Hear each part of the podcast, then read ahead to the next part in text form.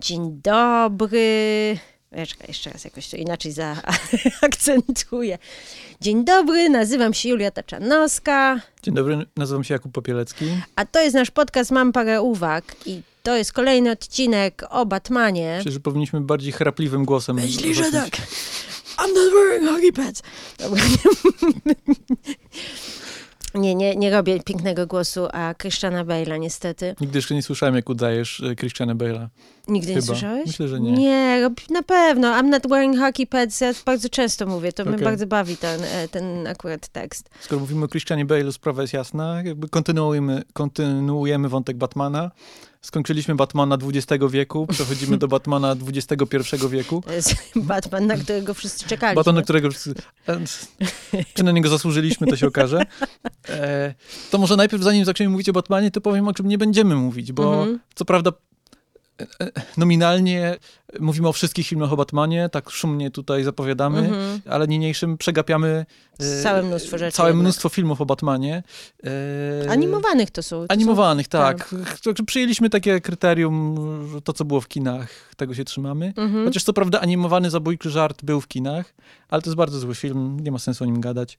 Więc, e, więc tak, pokrótce. Plus jakbyśmy gadali naprawdę o wszystkim, to, to dwa odcinki to byłoby za mało. Tak, jeszcze by było pięć kolejnych odcinków Tak. o Batmanie.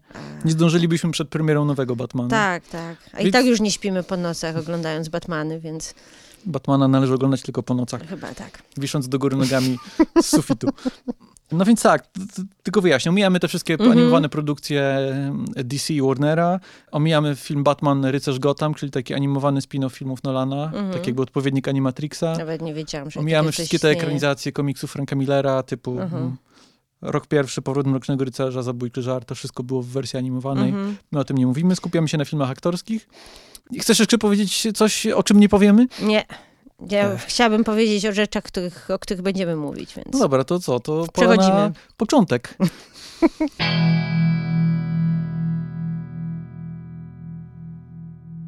Batman Begins. E, Batman Początek. No to jest film, na który trzeba było przede wszystkim trochę sobie poczekać, bo W jakim sensie? Batman i Robin trafił do kin w 97 A, no bodajże tak, tak, tak. i zabił tak, serię na 8 lat. Tak. No tak, tak. E, Ale może dobrze, no. Może dobrze. W sensie, To, to jest coś, co się by przydało wiele, na przykład, nie wiem, teraz. tak, właśnie o tym chciałem powiedzieć, bo to jest ciekawe, jak wrażenie. czas przyspiesza. Tak jak wtedy między kolejnymi wersjami Batmana musieliśmy czekać, no właśnie, 8 lat Mhm. od Schumachera do Nolana, a teraz między Nolanem, y, Affleckiem, a teraz z nadchodzącym Mattem Reevesem 10 lat może? Nie wiem. Minęło w sumie. Przez 10 lat mieliśmy trzech różnych Batmanów. No tak, ale poza tym teraz będziemy mieć dwóch Batmanów e, jednocześnie różnych, a nawet trzech, bo jeszcze No tak, Michael, Michael Keaton wraca. Tak, będzie dużo Batmanów. No, ale, ale wersja Nolana ewidentnie jest taką wersją reakcyjną, czy reaktywną. W sensie strona, w którą poszedł Schumacher nie Mm. sprawdziła się, więc wahadło idzie jak najdalej w Jak przeciwnym najdalej kierunku. W przeciwnym I kierunku. to jest chyba, jak, jakby tak próbować podsumować podejście Christophera Nolana, to to jest jego podejście w pigułce. Mhm. Jakby teraz będzie poważnie i teraz będzie realistycznie, chociaż ten nolanowski realizm to moim zdaniem to są wciąż jest rodzaj rzeczy. zabawy. To tak, jakby tak, to, tak, tak, tak. cudzysłów jest potrzebny. Tak, szczególnie jeżeli na serio się zastanowimy nad, nad nolanowską wersją, Mhm. szczególnie Batman Begins, prawda, to jednak mamy tajną szkołę ninja, e, dziwny gaz puszczany przez e, w rury, prawda, czy tam w wodny system, wszyscy się boją i tak dalej, no jakby... Batmobil on, skaczący po dachach. Tak, no ba- Batmobil akurat skaczący na dachach, no to jeszcze można by powiedzieć, dobra, dobra, można stworzyć taki A samochód. skąd wiesz, ale- czy, czy w Himalajach nie ma tajnego stowarzyszenia może ninja? jest, może jest. No, ale, ale co nawet widać ciekawie jeszcze um, Gotham City jest, prawda? Też y, cała ta dzielnica slumsów, gdzie ten gaz jest puszczony na samym początku, prawda? Na samym końcu, Boże. To rzeczywiście też jest takie, można powiedzieć, fantazyjne miasto. To nie Mhm. jest ten, to prawdziwe miasto z e, Dark Knighta już, który, który jest nam Mhm. przedstawione, który nie ma żadnych jakichś tam dziwnych wstawek czy coś takiego. Znaczy, to było w założeniu Nolana, na pewno, prawda? Co by było, gdyby taki ktoś naprawdę No, istniał? znaczy na tym polega ta zabawa. Jakby na, załóżmy, że a gdyby tak było, jakby to wyglądało Tak. i na jakim jakby logicznym przeprowadzeniu od A do Z, to znamienne Batman jako Batman pojawia się chyba dopiero w połowie filmu. No dosłownie, dokładnie w połowie filmu. Mhm. I jakby ten realizm bardziej się opiera na realizmie psychologicznym, tak Mhm. bym powiedziała, nie, Mhm. a nie na, na realizmie jakby świata przedstawionego. to jest bardzo dobry scenariusz. W tym sensie, Mhm. że no bo na czym polega, na czym polega dobry scenariusz? Znaczy, nie, y, nie każdy dobry film ma idealny scenariusz. I tak samo jest odwrotnie. Nie każdy super scenariusz e, wychodzi z niego dobry film. Mhm. Natomiast y, tutaj akurat e, scenariusz jest kluczem moim zdaniem do tego filmu i dlaczego ten film działa.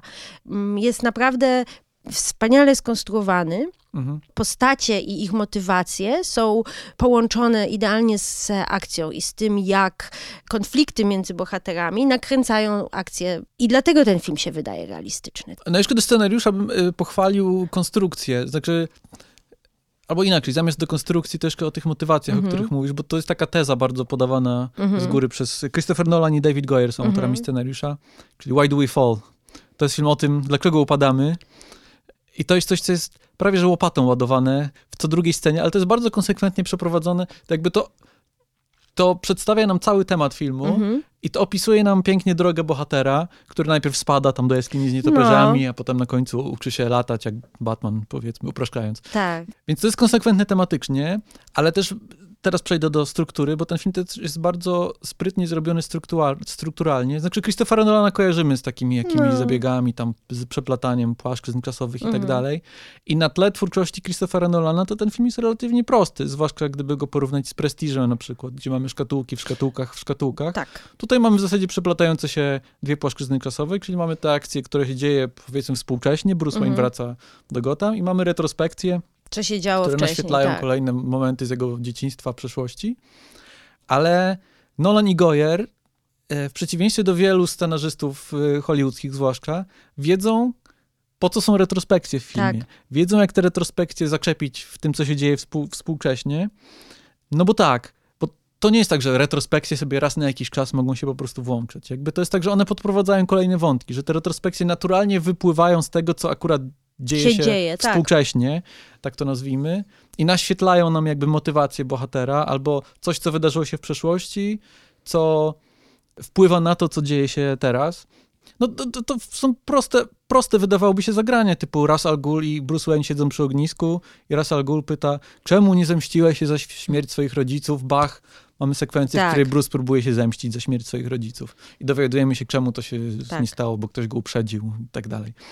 No to jest proste, ale to jest bardzo skuteczne. Także to jest proste w idei, e, to jest trudniejsze w realizacji i za to chyba należą się gratulacje. Tak, bo ten scenariusz wydaje się, że jest po prostu taki bez wysiłku. Mhm. E, Tam po prostu rzeczy się dzieją i Mhm. wszystko się super splata i, i tak dalej. Tematem też e, tego filmu jest strach. I Mhm. tak jak jak on e, jest fajnie zaczepiony w każdej postaci, prawda? Że kto się kogo boi, czego Mhm. się boi, kto jak e, reaguje na strach. Dlatego świetnym vilanem jest Scarecrow tutaj, po Mhm. prostu idealnie dobranym. Mamy tą mafię, e, która, która terroryzuje miasto. Mamy Batmana, który terroryzuje mafię, prawda? I mamy Rasa, Ras, al, Ras Al Ghul, tak? Mhm. Który, którego boi się zarówno Scarecrow, jak i mafia. To jest Mhm. bardzo fajna taka zabawa i to się właśnie wydaje, że ojej, to tak łatwo stworzyć. Ale oczywiście. To nie jest wcale tak łatwo. To, to jest bardzo piętrowa, piętrowa układanka. I tak samo te opozycje i konflikty między bohaterami, prawda? Że mamy też czworo antagonistów. Znaczy, Christopher Nolan bardzo często lubi za dużo ludzi wpakowywać w swoje filmy, w sensie za dużo bohaterów, za dużo wątków i człowiek się gubi. A tutaj moim zdaniem jest do, dokładnie idealna ilość złych ludzi, którzy mają jakby odzwierciedlają w pewnym sensie Bruce'a Wayne'a, czy Batmana, czy jakby jego strach. Bardziej, że też te postacie są jakby bardzo dobrze sfunkcjonalizowane Tak. i one znikają na niektóre połacie filmu, czy one odgrywają swoją rolę w, w danym momencie, potem Po czym znikają, tak jak na znikają? przykład Russell Gould znika na pół filmu w No zasadzie. tak. Jakby jest na początku jako to, ten człowiek, który ustawia Bruce'a Wayne'a na pewnej, w pewnej jakby, na pewnej Mm. drodze i potem spotyka się z nim e, pół filmu później, na, Na końcu tej drogi, końcu, tak. gdzie jakby z, już po przeciwnych stronach. Też bardzo fajnie jest funkcjonalizowany Carmine Falcone bodajże, tak się Mhm. nazywa, gangster grany przez Toma Wilkinsona, który ma taką scenę, w której otwiera oczy Bruce'owi Wayne'owi. Tak. To jest w ogóle bardzo dobrze napisany monolog, moim zdaniem, gdzie fajnie też ustanawia postać Bruce'a Wayne'a z tym jego z jego złością na świat, jego oburzeniem, no to jak świat jest niesprawiedliwy, jak on ma źle, jak on już nie ma nic do stracenia. Tak. E, a, a, a Falconem mówi mu, no co ty, nie masz nic do stracenia, to zaraz zobaczymy, co nie masz do stracenia. Jesteś bogatym milionerem, Tak. wszyscy cię znają, masz kupę pieniędzy, willę, swojego lokaja i tak dalej, i tak dalej, i ty nie masz nic do stracenia. I to jest taki, do tego też służą dobrzy, dobre czarne charaktery, Tak. jakby do otworzenia oczu antago- protagoniście. Protagoniście. No i to właśnie robi Falcone. I w zasadzie to jest najważniejsza scena z tą postacią w filmie. Potem on jakby przechodzi na, na drugi plan i jakby Scarecrow przej- przejmuje tę pałeczkę po nim. Ale to jest też ciekawe w tym filmie. To jest tak jakby piętrowe wchodzenie coraz wyżej, prawda? Coraz gorszy wilan. Mhm.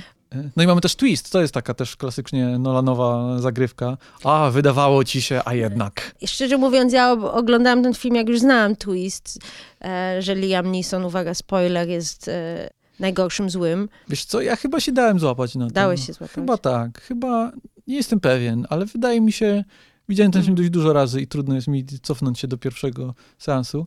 Ale właśnie o tym chciałem powiedzieć, bo właśnie o tym, że widziałem ten film dużo razy, chyba najwięcej z wszystkich filmów Nolana o Batmanie, albo w ogóle z wszystkich filmów Nolana.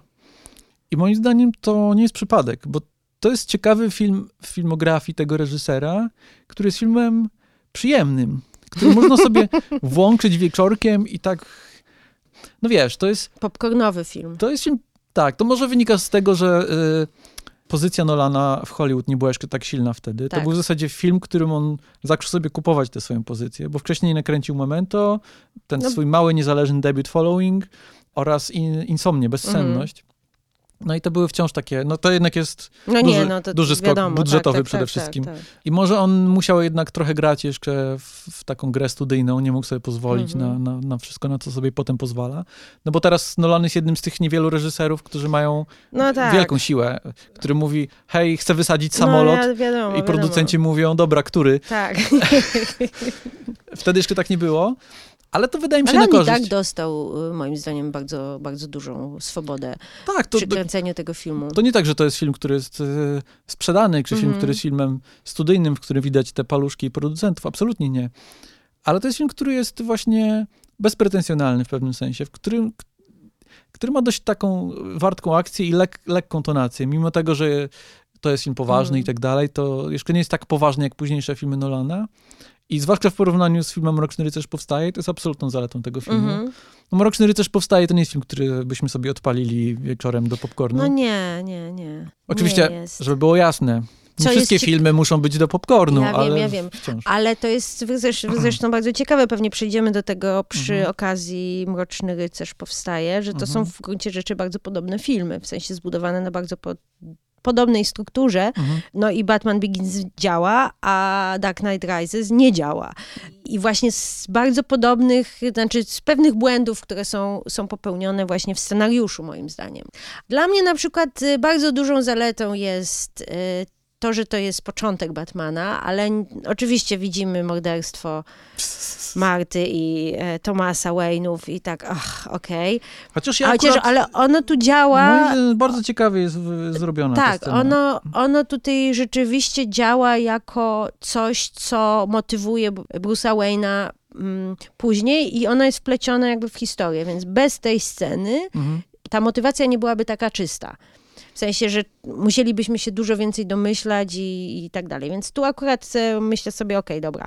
Ale to jest też, Fajnie, ja że tylko się widzimy, no. wetnę, bo bardzo fajna jest ta wersja Thomasa Wayne'a, która jest w tym filmie. Mhm. Jakby na matkę nie ma za bardzo pomysłu. Nie, no ale to w- Matka witajmy jest- w filmach Christophera Nolana, Tak. gdzie nie ma pomysłu na kobiety. Ale ten ojciec, który jest taką jakby taką siłą łagodności w życiu Bruce'a, jakby on Mm. go uczy takiego podejścia spokojnego i kiedy w mrocznym załuku atakuje ich napastnik z pistoletem, to ojciec też próbuje jakby Mhm. uspokoić. Roz, tak, ty- deeskalować sytuację. tak, i to się nie udaje i to jakby daje motywację Mhm. Bruce'owi, że nie, to teraz ja będę Pokażę, biegał i bił tak. ludzi i będę silny i męski.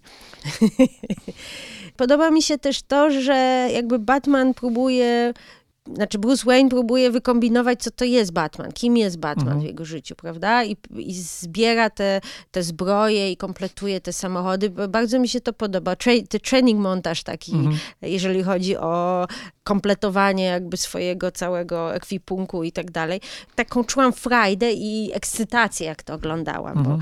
No oczywiście, że tak to może wyglądać. I, i, i bardzo fajna też postać e, Lucius Fox, prawda? E, Morgan Freeman. Też myślisz sobie, no dobra, jest Alfred, i to po cholerę nam kolejna druga postać e, dokładnie taka sama, bo przecież to wszystko mógłby robić Alfred. A jednak nie, tu jest właśnie fajnie, fajnie rozdzielone, że właśnie Lucius Fox nie wie i nie chce się angażować i nic go to nie obchodzi, że on jest jakby tą częścią firmową, a, a Alfred jest rodziną. No to jest trochę taki film o wzorcach męskości, gdzie mamy Tak. Bruce'a Wayne'a otoczonego przez y, mężczyzn, którzy dają mu różne ścieżki rozwoju, bo jest Tak.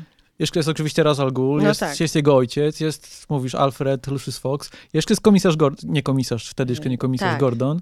W pewnym sensie Killian Murphy, Strach na wróble jest też jakimś takim mrocznym lustrem dla, dla Bruce'a Tak. Wayne'a.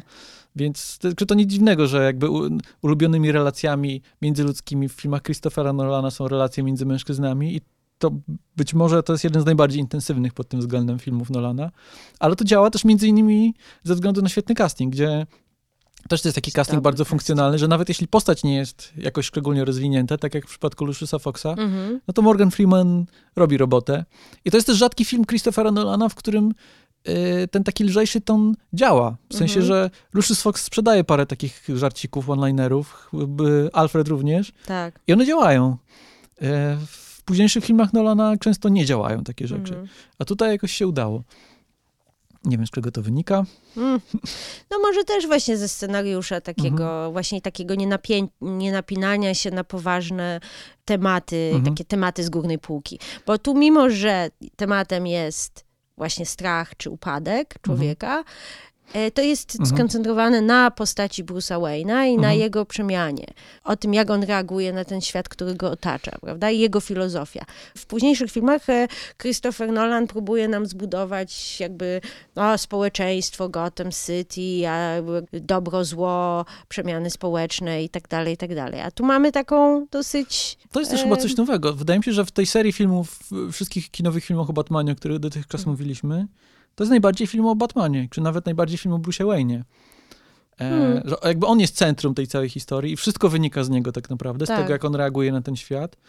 Bo zwykle tak jest, że Batmanowi e, trochę e, scenę zabierają zwykle przeciwnicy, Mhm.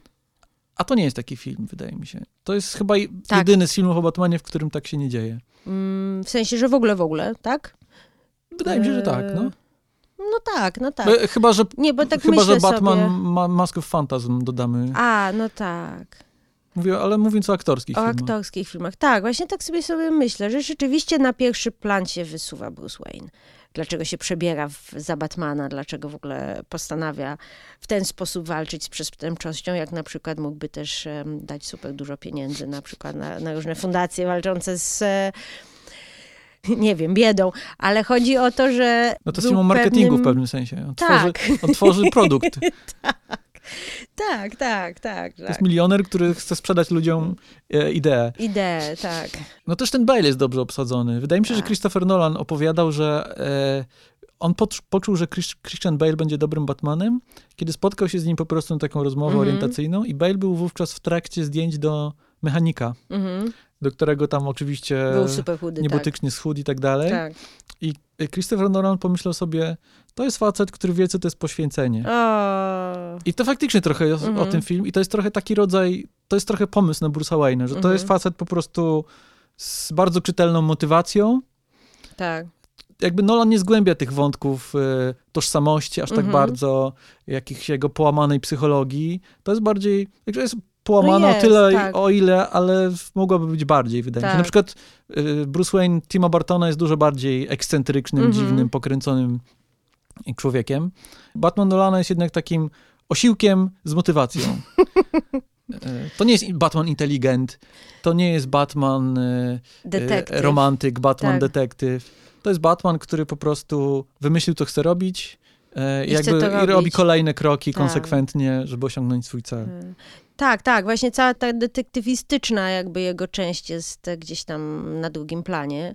Nie prowadzi jakichś takich e, śledztwa. Chociaż i tak jest chyba więcej detektywa w tym filmie niż dotychczas, ale to, Wciąż, no, no, wciąż tak. niewiele. Ale jest ten ciekawy motyw odgrywania roli Bruce'a Wayne'a. Bruce Wayne nie jako twarz, tylko Bruce Wayne jako maska. Tak, tak. To właśnie bardzo fajnie, jak tam Alfred mu sugeruje, żeby zaczął grać w polo, czy w jakąś, Mhm. jakiś niebezpieczny sport, żeby wytłumaczyć, dlaczego jest poobijany.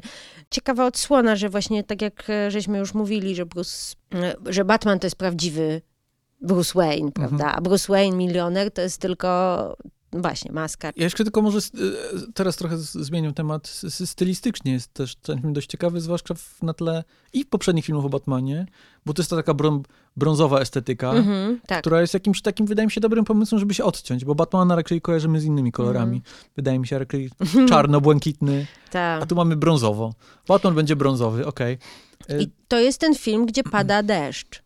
Bo w Dark Knightie czy Dark Knight Rises nie ma deszczu. mhm, Może, nie wiem, może jest jedna scena, ale wątpię, jakby nie przypominam sobie. mhm. Te dwa następne filmy e, dzieją się w ciągu dnia. To jest film, Mhm. to jest ten gritty, ponury, deszczowy film, który się dzieje w nocy. No tu też elementy kina grozy wręcz, no ale to Tak. aż się prosi, kiedy masz postać stracha na wróble. Te sceny, kiedy on tam psika ludzi swoim gazem i pyta ich, czy chcą zobaczyć jego maskę. Tak. E, Tak, jakiś tam nietoperz, pamiętam, wychodzi z buzi, Mhm. albo te, zresztą on też jest popsikany gazem i widzi Batmana jako jakiegoś takiego wielkiego czarnego potwora. Też to Gotham City, mm, jak gdzieś wyczytałam, że Gotham City to zwykle miał, był Nowy Jork, a tu pierwszy raz Gotham City jest, e, to jest Chicago. Znaczy jest oparte na, zdjęcia były robione w Chicago, ale też jakby to miasto jest oparte na Chicago, e, wzorowane na Chicago, nie oparte. I też Chicago ma bardzo ciekawą właśnie historię związaną z mafią. Korupcja w tym mieście była bardzo, bardzo w latach 30., 20. i 30. w czasie prohibicji, no ci słynni różni gangsterzy, to operowali, jakby operowali w Chicago. w sensie nie byli lekarzami, ale jakby Chicago, była ich, Chicago było ich główną bazą.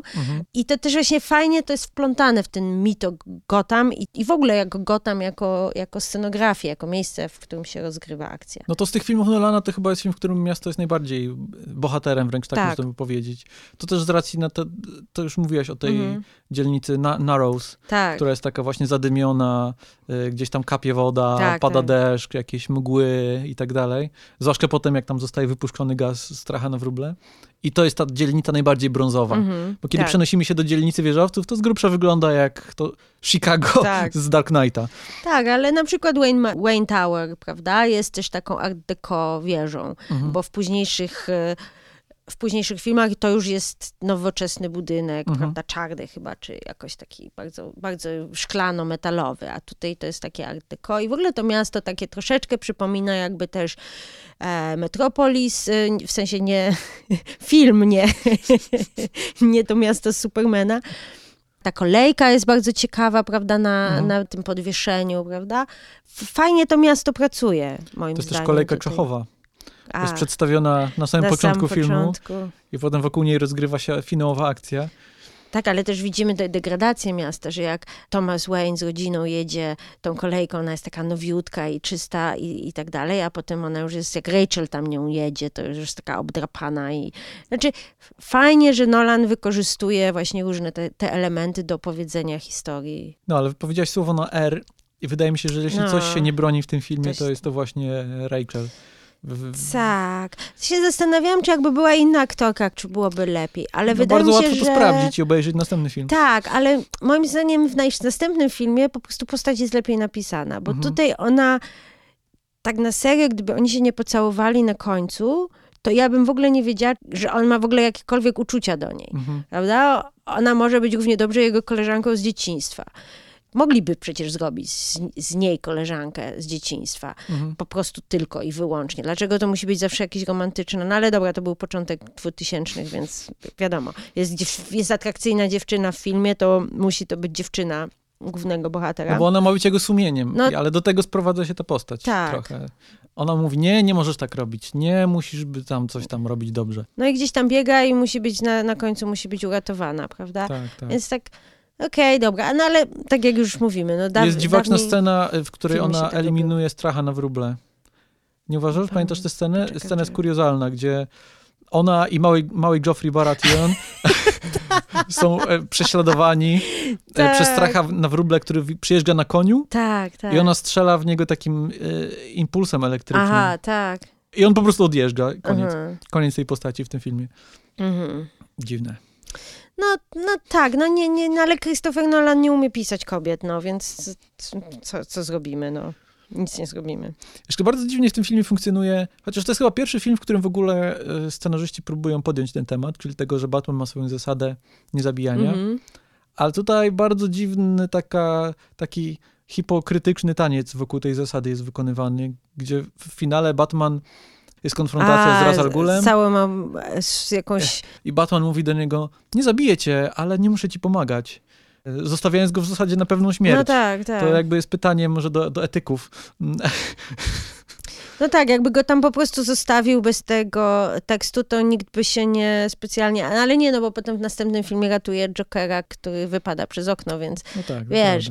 Może byłoby rzeczywiście lepiej, gdyby on jednak spróbował go ratować, ale nie wiem, pośliznął się. Ale za to jest, mamy piękny wybuch na końcu i tak dalej. No to jest... Tak, wybuch, który jest, nie wiem, czy zwróciłaś uwagę, wybuch jest, to, że wybuch nadciąga jest sygnalizowane przez, są takie nieustanne przebitki na pana, który, się, który siedzi w A, jakimś tak. biurze zarządzania kanalizacją Gotham, czy coś takiego i mówi, to zaraz wybuchnie. I ta przebitka na pana, który mówi, to zaraz wybuchnie, jest chyba pięć razy. Tak, tak, tak, a potem pan jest taki, o, nie wybuchło, jej! No to jest taka trochę jeszcze może rakszukująca Mhm. wersja tego klasycznego nolanowskiego równoległego montażu. Tak. Gdzie masz kilka dziejących się równolegle rzeczy, które razem się nawarstwiają i po prostu ty już nie możesz oddychać z wrażenia. To i tak była dosyć e, jakby scena intensywna. Nie, to. Prawda? absolutnie działa, kiedy Tak. oglądasz film po raz pierwszy Tak. w kinie. To nie działa, jak oglądasz go po raz piętnasty i, Mm. i widzisz, Tak. o, widziałem już tego pana 800 razy. I za każdym razem mówi, że to zaraz wybuchnie. Też może dobrze, że ten film jest filmem y, dobrym, ale nie super mega dobrym, bo Christopher Nolan zostawił sobie jeszcze, wiesz, margines, y, Margines. na rozwój. Y, Ja uważam, że to jest bardzo przyzwoity film. nie, oczywiście, oczywiście, że tak, ale chciałem tylko przygotować A, nadejście tak, nadejście. lepszego filmu. Chyba, że się nie zgadzasz, może uważasz, że nie jest to lepszy film? Yy, Nie, uważam, że to jest lepszy film.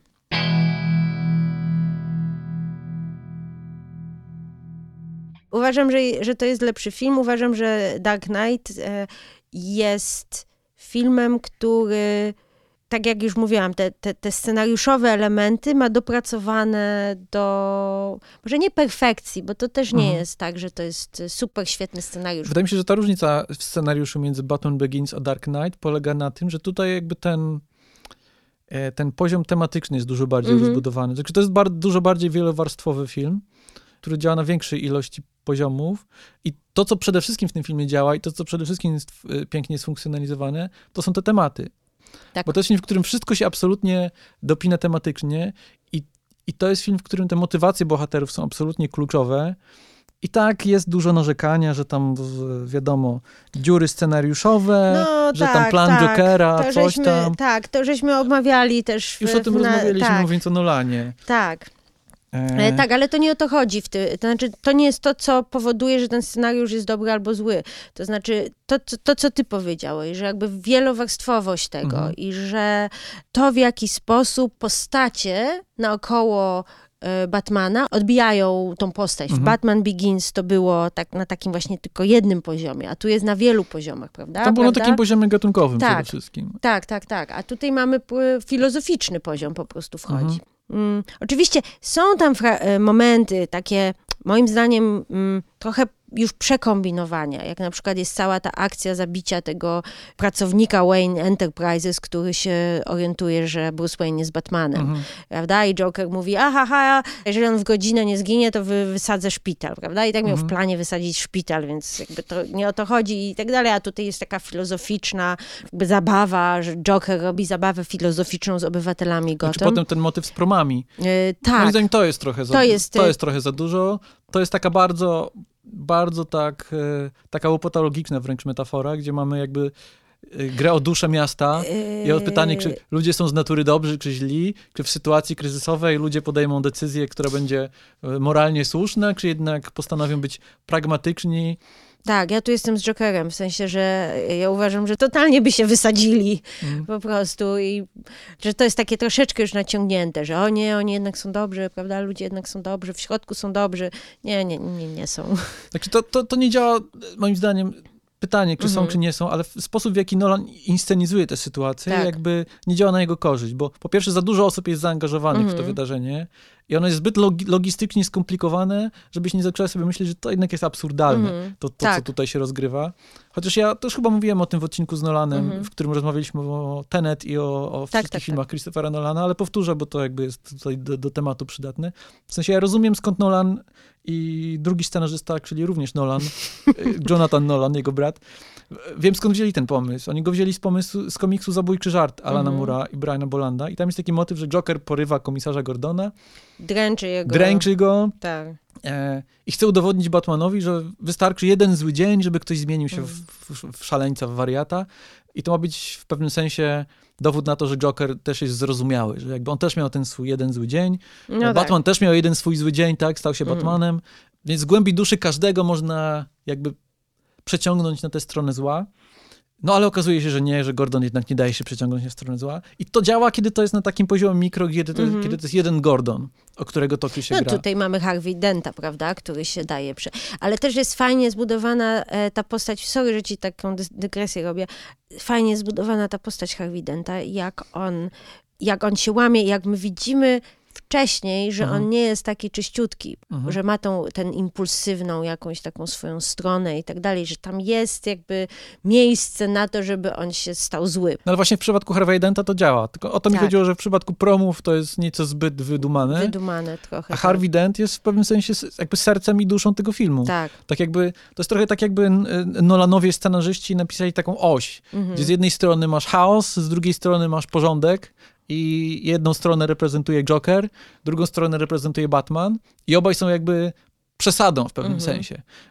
Joker jest za bardzo tym jakby komponentem anarchii, y, wolności, czegokolwiek, a Batman jest za bardzo spięty, za bardzo chce trzymać wszystko w ryzach, za bardzo chce bić przestępców, a Harvey Dent jest dokładnie po środku. Jest taki suwak. Tak, jest taki no, suwak i Harvey Dent jest raz w jedną, raz w drugą. W zasadzie każdą z postaci można by umieścić gdzieś na tej osi. Tak. Gdzie jest Gordon, gdzie jest Rachel.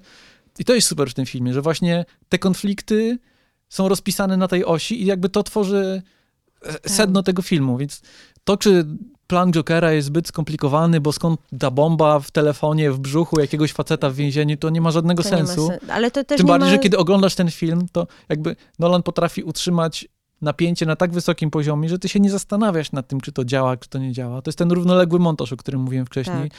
że to połączenie tego, tej tematycznej spójności i przejrzystości tego, kto stoi po jakiej stronie w tym sporze i jak oni są, na, na czym polegają konflikty między tymi bohaterami, w połączeniu z tym, jak ten film pędzi do przodu jak trzyma cię za gardło, jak wiele rzeczy dzieje się naraz, tworzy to jakby to niesamowite filmowe doświadczenie.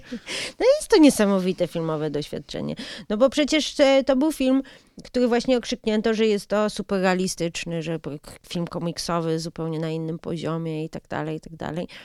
A tam się dzieją po prostu normalne komiksowe rzeczy, prawda? A, Mhm. a Nolan ci to tak sprzedaje, jakby to była nie wiadomo Mhm. jaki poważny dramat. Ale tu jest jeszcze jeden komponent, o którym musimy wspomnieć, a mianowicie to, że to jest post 11 września. Mhm. To jest film, który w pewnym sensie też się świetnie wpisuje jakby w e, mm, amerykańską e, nastrój, nie wiem jak to powiedzieć, jakby, m, że, że te tematy też pasują jakby do tego, co się akurat wtedy działo e, w Stanach Zjednoczonych. I spotkałam się z taką opinią, że to jest, e, że to jest prawdziwy film noir. Film noir to by jest w pewnym sensie produkt pewnego rozczarowania społecznego w, la, e, w latach 40. i 50. No, Mhm. Nie można powiedzieć o noirze, noirze, że, nie można powiedzieć, że to jest gatunek, że to jest bardziej styl. Podobna traumatyczna, no może nie jak II wojna światowa, ale przynajmniej bardzo traumatyczne wydarzenie w historii Stanów Zjednoczonych, czyli 11 września, Mhm. też w pewnym sensie pozostawił społeczeństwo amerykańskie jak rozczarowane, pozbawione nadziei gdzieś tam i że właśnie nagle pojawia się Dark Knight, Mhm. film, który jakby bierze ten, tą kolektywny jakby takie, takie napięcie i, i Mhm. opowiada o nim, o, może tak. Mhm. próbuje to przepracować, więc ca cały motyw chaosu i terrorystów e, i że Joker jako taka siła, która jest niezrozumiała dla normalnego człowieka, bo nie ma Mhm. logiki żadnej, e, wiesz, e, niektórzy ludzie chcą tylko patrzeć jak świat płonie, Mhm. prawda? Te, ten tekst i tak dalej. I że tu mamy właśnie taką, takie przepracowanie tego mm, przez film. W ogóle jest e, taka teoria, że filmy komiksowe to są filmy, które reagują. Dlatego właściwie jest taki wzrost zainteresowania filmem komiksowym, że to jest pewna reakcja na 11 września i na to, co się stało w, jakby z amerykańskim Chociaż ten wzrost zazwyczaj tłumaczy się w takim sensie, że to jest rodzaj e, ucieczki. Tak. Że świat stał się bardziej traumatyczny, więc potrzebujemy trochę większej dozy cukru. No tak, no tak jak y, trochę właśnie w czasach e, Wielkiej Depresji w Stanach Mhm. Zjednoczonych powstawały właśnie komedie i musicale i tak dalej, i tak dalej, takie spektakle, a nie przygnębiające filmy o biedakach. No a to jest film, który daje, daje nam tego cukru, bo jakby jest, to jest doświadczenie absolutnie blockbusterowe, siedzenie na krawędzi fotela, Tak. ale przy okazji daje też to, co kochają krytycy. I to, o czym ty przed chwilą mówiłaś, tak? Tak. Taki komponent e, wa- ważnych tematów. Tak. Ale to faktycznie fajnie pracuje, bo te dwie rzeczy są ze sobą spięte, bo ten film też można e, czytać jako taki esej o postaci Batmana, jako dekonstrukcja figury Batmana, tego, Mhm. co symbolizuje Batman. I to się ładnie spina z tą metaforą wojny z terroryzmem, tak. gdzie Batman jest tym aparatem kontroli, represji, aparatem bezpieczeństwa, który próbuje jakoś e, no, zareagować na tę sytuację, Nie pre- na bezprecedensową. tę bezprecedensową sytuację jakiegoś wzrostu niebezpieczeństwa, zagrożenia. No Batman w pewnym sensie, to jest też to pytanie o to, jak daleko można się posunąć w walce o, o, wolność, w walce o bezpieczeństwo. Więc Batman jest w pewnym sensie no działa metaforą poza... Guantanamo. Tak, no tak, Batman no jako tak. Guantanamo. Można No by napisać esej o tym filmie. No nie, ale na przykład, prawda, Batman e, jedzie do e, Hongkongu, prawda, i Mhm. porywa jakiegoś faceta. nie ma Bo Batman nie ma jurysdykcji, czyli wiesz, działa rzeczywiście de facto poza prawem, Mhm. czy tak samo ten sonar, co to Tak. Lucius Fox się oburza, prawda, że, Mhm. że on jakby nie chce być częścią tego, prawda, to też się porównuje do tak zwanego aktu patriotycznego, czy Patriot Act, Piotr, e, tak. Mhm. takiego prawa, które pozwala jakby inwigilować obywateli, Mhm. czy to jest w porządku, czy to nie jest w porządku, czy tak powinno się robić w demokracji, czy nie. E, Więc, więc ten film zadaje pytania i ciekawie, bo, bo jakby zostawia też nam pole do interpretacji, do odpowiedzi, do zastanawiania się nad tymi tematami, prawda? Nolan nie daje nam, nie mówi jak to jest tak, a to jest śmak, a i to jest właśnie ta odpowiedź i co zresztą jest niefajne, bo w, na, w następnym filmie trochę właśnie próbuje to zrobić, a właśnie w Dark Knightie Chociaż Nie wydaje mi się, że mimo wszystko, że jednak jeśli by te, mówiliśmy o tym wykresie Mhm. na początku, że jeśli w którąś stronę wychyla się wskazówka, to jednak w stronę tej kontroli wydaje mi się, że to jest film mimo wszystko ciut bardziej kontrow- kontrowersyjny, nie kontrowersyjny, tylko konserwatywny.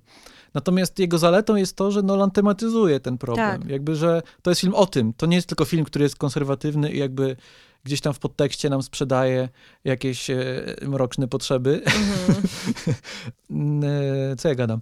E, tylko, że to jest tematem tego filmu, Mhm. że Nolan opowiada o tym.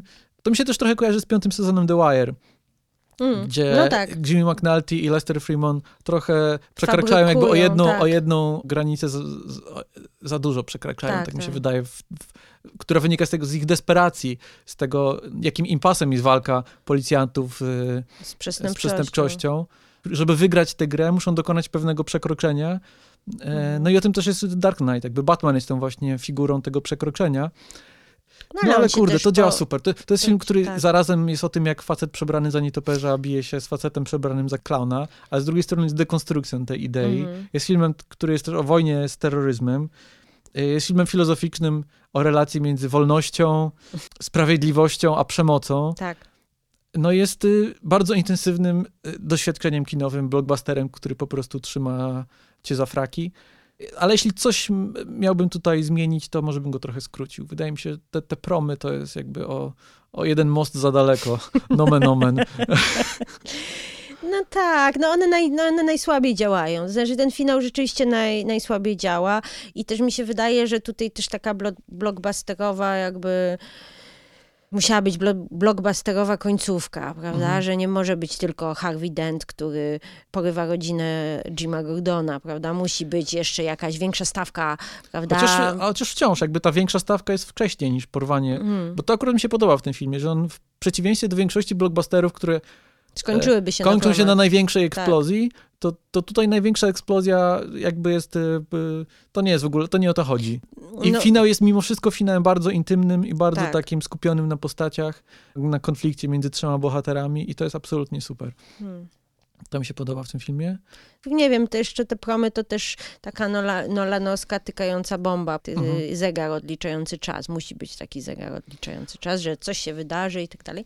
Chociaż tu jest akurat to bardzo inteligentnie zastosowane, bo Mhm. zauważ, że ten czas, że zwykle się czeka aż Do Zwykle- ostatniej sekundy, tak? Zwykle się czeka, tak, nie, ale zwykle się czeka, e, aż coś wybuchnie, a tutaj A, czekamy, e, aż coś nie czekamy, wybuchnie. aż coś nie wybuchnie, O. prawda? I to też jest taka śmieszna, jakby śmieszna zabawa, odwrócenie naszych oczekiwań, co mi się też podoba. No tak, no w zasadzie największa eksplozja w filmie to jest takie, gdy Joker wysza- wysadza z szpital, a to jest trzy czwarte No tak. filmu. To jest jeszcze długo, długo do końca. Tak, tak. No, Joker. ja wiem, żeśmy mówili trochę o hit, hicie Ledgerze przy okazji podcastu o Nolanie, Mhm. Mm, No ale to jeszcze można zawsze o nim mówić. Najwspanialsza rola, nie wiem, w historii komiksów. Tak No ja powiem. wolę, wolę zdecydowanie Hita Ledgera od Joaquina Phoenixa w tej roli. Czy to jest też, to jest jedna, jeden komponent to jest to, co wnosi aktor, Mhm. drugi komponent to jest to, jaka wizja postaci jest przedstawiona. Tak. I do mnie dużo bardziej przemawia ta wizja Nolana. Także wydaje mi się, że on rozumie, na czym polega esencja Tak. tej postaci. I to chociażby widać pod tym elemencie genezy Jokera, gdzie Mhm. Joker podaje wielokrotną śmieszne. genezę. Ale on jest tak zabawny, on jest taki lekki w tej roli, jakby wszyscy są tacy poważni i, ten, i w ogóle ten cały świat nolanowski jest taki super poważny. Tak, musimy teraz... Odstawiłam. Julia macha rękami. tak, wszyscy są w garniturach i bardzo są ser- na serio. A, Albo harczą a, bardzo mocno. Tak, a, a tutaj mamy faceta, który się tym bawi. Bawi się tym światem, bawi się e, tymi poważnymi ludźmi. E, w- sumie wygląda na to, że wcale nie ma problemu z tym, żeby zginąć w każdej chwili. E, Jakaś taka desperacja jest u niego i... No to jest trochę tak, że, że ten Heath Ledger jest antynolanem. To jest wielka ironia tego filmu, Tak. że jakby ten czynnik X magiczny to wnosi Heath Ledger i no jeśli miałbym Nolana też umieścić na, tej, na, na tym wykresie, o którym wcześniej mówiliśmy, to on jest przecież tym ukrzesanym facetem w garniturze, No tak. takim bardzo spiętym, bardzo, Wszystko... bardzo takim mózgowym, bardzo zafiksowanym na punkcie kontroli, chorobliwie można by Mhm. powiedzieć, sztywny, spięty, no to Joker, Heath Ledger w, w tym układzie jest y, no, przeciwieństwem, tak. tym, tym chaosem i to też, też działa super. Też bardzo mi się podoba, że, że, że Joker w tym filmie jest taką postacią niemalże jakby z innego poziomu świata przedstawionego. Mhm. On jakby wiedział więcej, rozumiał więcej, jest trochę takim królikiem, ba- królikiem Mhm. baksem, tak jakby. No tak. E, Że on, on może nie burzy tej czwartej ściany, e, tak jak królik Bugs ma w zwyczaju, czyli nie zwraca się wprost do widzów, ale jest takie poczucie, że on mógłby się zwrócić niemalże. Mi się on kojarzy z, z napastnikami, chyba też już o tym mówiłem, kiedy mówiliśmy o Nolanie przy okazji Tenet. On mi się kojarzy z napastnikami z Funny Games. Mhm. No tak, e, tak. mówiłeś. Hanekego. Gdzie Akurat oni też jakby, pamiętam. na tym też polega to zagrożenie, które oni wprowadzają. Tak jakby oni mogą, oni kontrolują przebieg narracji Mhm. i z Jokerem też jest takie wrażenie, że on jakby wie, w którą stronę zmierza fabuła. On takiego przeczytał scenariusz wcześniej Tak. i wyprzedza wszy- wszystkie ruchy scenarzystów. Nawet w tej, w tej rozmowie jego z, z Batmanem, kiedy się, scena Tak. przesłuchania, to on tak jakby No, bo, rozumiał naturę relacji między Batmanem i Jokerem i tak jakby wygłaszał wprost esej o tym, kim jest Batman, kim jest Joker i że oni są jakby niezwiązani. Albo potem, kiedy mówi, że Tak. jesteśmy skazani na, na No. robienie tego w nieskończoność, tak jakby wiedział, że Batman i Joker to są popkulturowe ikony, e, które Mm. powtarzają tę samą grę od lat i będą jeszcze to robić przez kolejne lata. Ale zarazem, bo to brzmi bardzo, napie- Mhm. bardzo tak napuszenie i bardzo tak poważnie, to jest ta lekkość, o której Tak, mówisz, tak, że, że tak. Ledger jakoś tak absolutnie bezpretensjonalnie to potrafi sprzedać. tak, a z drugiej strony jest potwornie groźny. To Mhm. znaczy, to nie jest, to jest facet, który wiesz, że po prostu jakby jest na krawędzi. W tym sensie, że właśnie ta des- desperacja chyba i taka jakaś mm, nieposzanowanie swojego życia, znaczy zero strachu. To jest To- absolutna wolność właśnie. Tak, dokładnie. Moja ulubiona scena z ołówkiem. To jest tak zabawne. Za, zawsze, zawsze po prostu się zatrzymuję przy tej scenie i tak o. teraz jeszcze o Rachel, dwa słowa. Czy myślisz, że ona została zalodówkowana? Tak myślę, że totalnie została zalodówkowana. Tylko ja nie wiem, czy też chyba już o tym mówiliśmy przy okazji Nolana. Nie, nie, nie pamiętam. Wyjaśnijmy termin lodówkowania. Na pewno żeśmy mówili o terminie lodówkowania. W sensie, że to jest mordowanie kobiety, żeby dać motywację mężczyźnie. Tak, te, te, te, tylko tutaj mhm. historyczna wstawka. Termin wziął się z tego, że jednemu z Green Lanternów e, jakiś czarny charakter zabił dziewczynę, pokroił ją na kawałki i wsadził do lodówki. To jakby mhm. jest, stało się niesławną sceną. I zazwyczaj w ten sposób nazywa się ten trop fabularny tak. właśnie, o którym mówi Julia. No i trochę, trochę do tego, tak jak w pierwszym filmie Rachel Dawes nie była, była nie tyle postacią, co była jakby sumieniem Bruce'a Wayne'a, to tak samo jest w tym filmie. On jest motywacją albo jest jakby jest elementem, który ma naświetlić różnicę między Bruce'em Wayne'em a Harvey'em Dentem trochę. Nie uważasz? No tak, tak. No, znaczy mi się wydaje, że ona jest lepiej napisana niż w pierwszym, mhm. niż w pierwszym filmie, ale tak czy tak jest...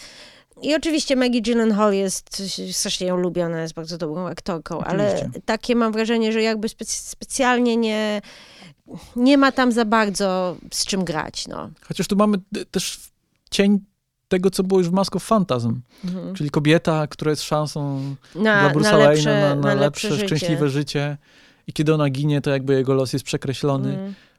Ale tutaj to jest jakby, to jest przypis. To, to tak. Film jest zupełnie o czym innym. To tak. nie jest aż tak ważne. Więc to też tak nie wybrzmiewa, bo, bo, bo Nolan nie poświęca aż tyle czasu temu wątkowi. Więc to wybrzmiewa trochę tak wręcz e, paradoksalnie, stereotypowo, bo to jest taki chyba taki zwyczajowy punkt drugiej części mhm. serii o superbohaterze, gdzie superbohater postanawia przestać być superbohaterem. W Spider-Manie mhm. 2, jeśli się nie mylę, sama tak. Raimiego jest taki sam, taki sam motyw. Myślę, że jest więcej tych filmów. Mhm. Akurat nie przychodzą mi żadne do głowy, ale wydaje mi się, że, że to często zwraca się uwagę, że to jest taki trop, yy, czy klisza wręcz. I w pewnym sensie Nolan też wpada tutaj w te pułapkę. No ale ogólnie... Yy... Ogólnie jest to dobry film. ogólnie jest to dobry film. ogólnie jest to dobry film i też nie jest za bardzo zaludniony niepotrzebnymi bohaterami, którzy mogliby być jednym bohaterem. Czego nie można powiedzieć niestety o następnym filmie.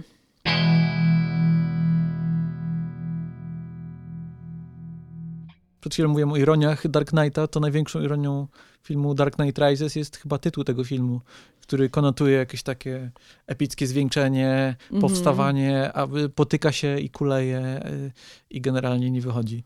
Mm. No ja byłem bardzo zawiedziony, jak obejrzałem ten film po raz pierwszy. Ja nie wiem, możliwe, że też już opowiadałem tę anegdotę, ale pamiętam, że bardzo bardzo czekałem na ten film, bardzo chciałem, żeby mi się spodobał, co było oczywiście wypadkową mm-hmm. dwóch poprzednich filmów. I przez cały film zaciskałem zęby, tak jak Batman niemalże, mówiąc sobie podoba mi się, podoba mi się. I zaciskałem te zęby aż do końca filmu, po czym wyszedłem z kina, z Michałem Walkiewiczem oglądaliśmy mm -hmm. razem ten film i Michał mu powiedział do mnie trzy słowa. Mm -hmm. Bomba na sznurku. Mm -hmm. I jakby wszystko ze mnie zeszło w tym momencie. No tak. Bomba na sznurku, która też śmiesznie się rymuje z bombą z bombą, którą miał Adam West w no, filmie tak. Batman zbawia świat. Zabawna scena, o której wcześniej mówiliśmy i tam absolutnie jest scena działająca, absolutnie jest scena spełniona.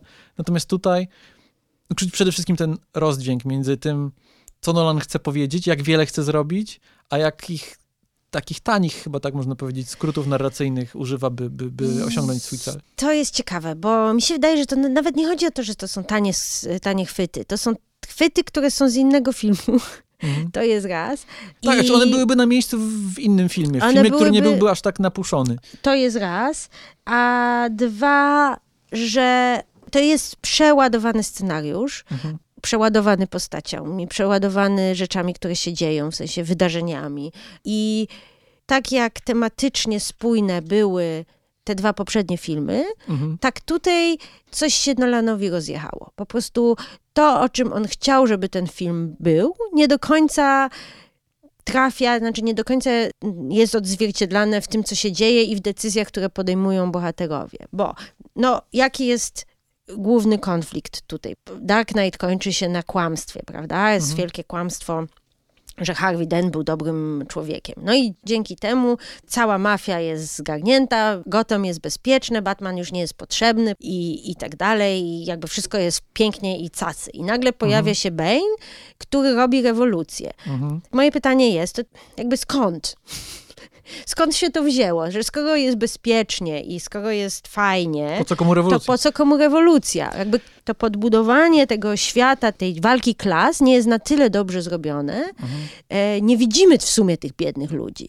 Widzimy jednego, może na początku jednego, e, jakąś jedną sierotę, z którą rozmawia Joseph Gordon-Levitt, mhm. a potem, że jest jakiś świat w, w, w, kanałach, który jest bardzo też ładnie jakby metaforycznie, że jest świat na wierzchu, czysty, mhm. piękny i tak dalej, ale pod spodem tam gnije i tak dalej, i tak dalej. Mhm. Ale to też nie jest wystarczająco podbudowane. No. I na czym się kończy Dark Knight Rises? Na tym samym kłamstwie. W tym mhm. sensie, że Batman finguje swoją śmierć i też staje się w pewnym sensie nowym symbolem. Zamiast Har Harveya Denta to jest Batman. Co tu się wydarzyło? Jakby, gdzie jest ta przewrotka? Jakby, czy okłamywanie społeczeństwa jest dobre?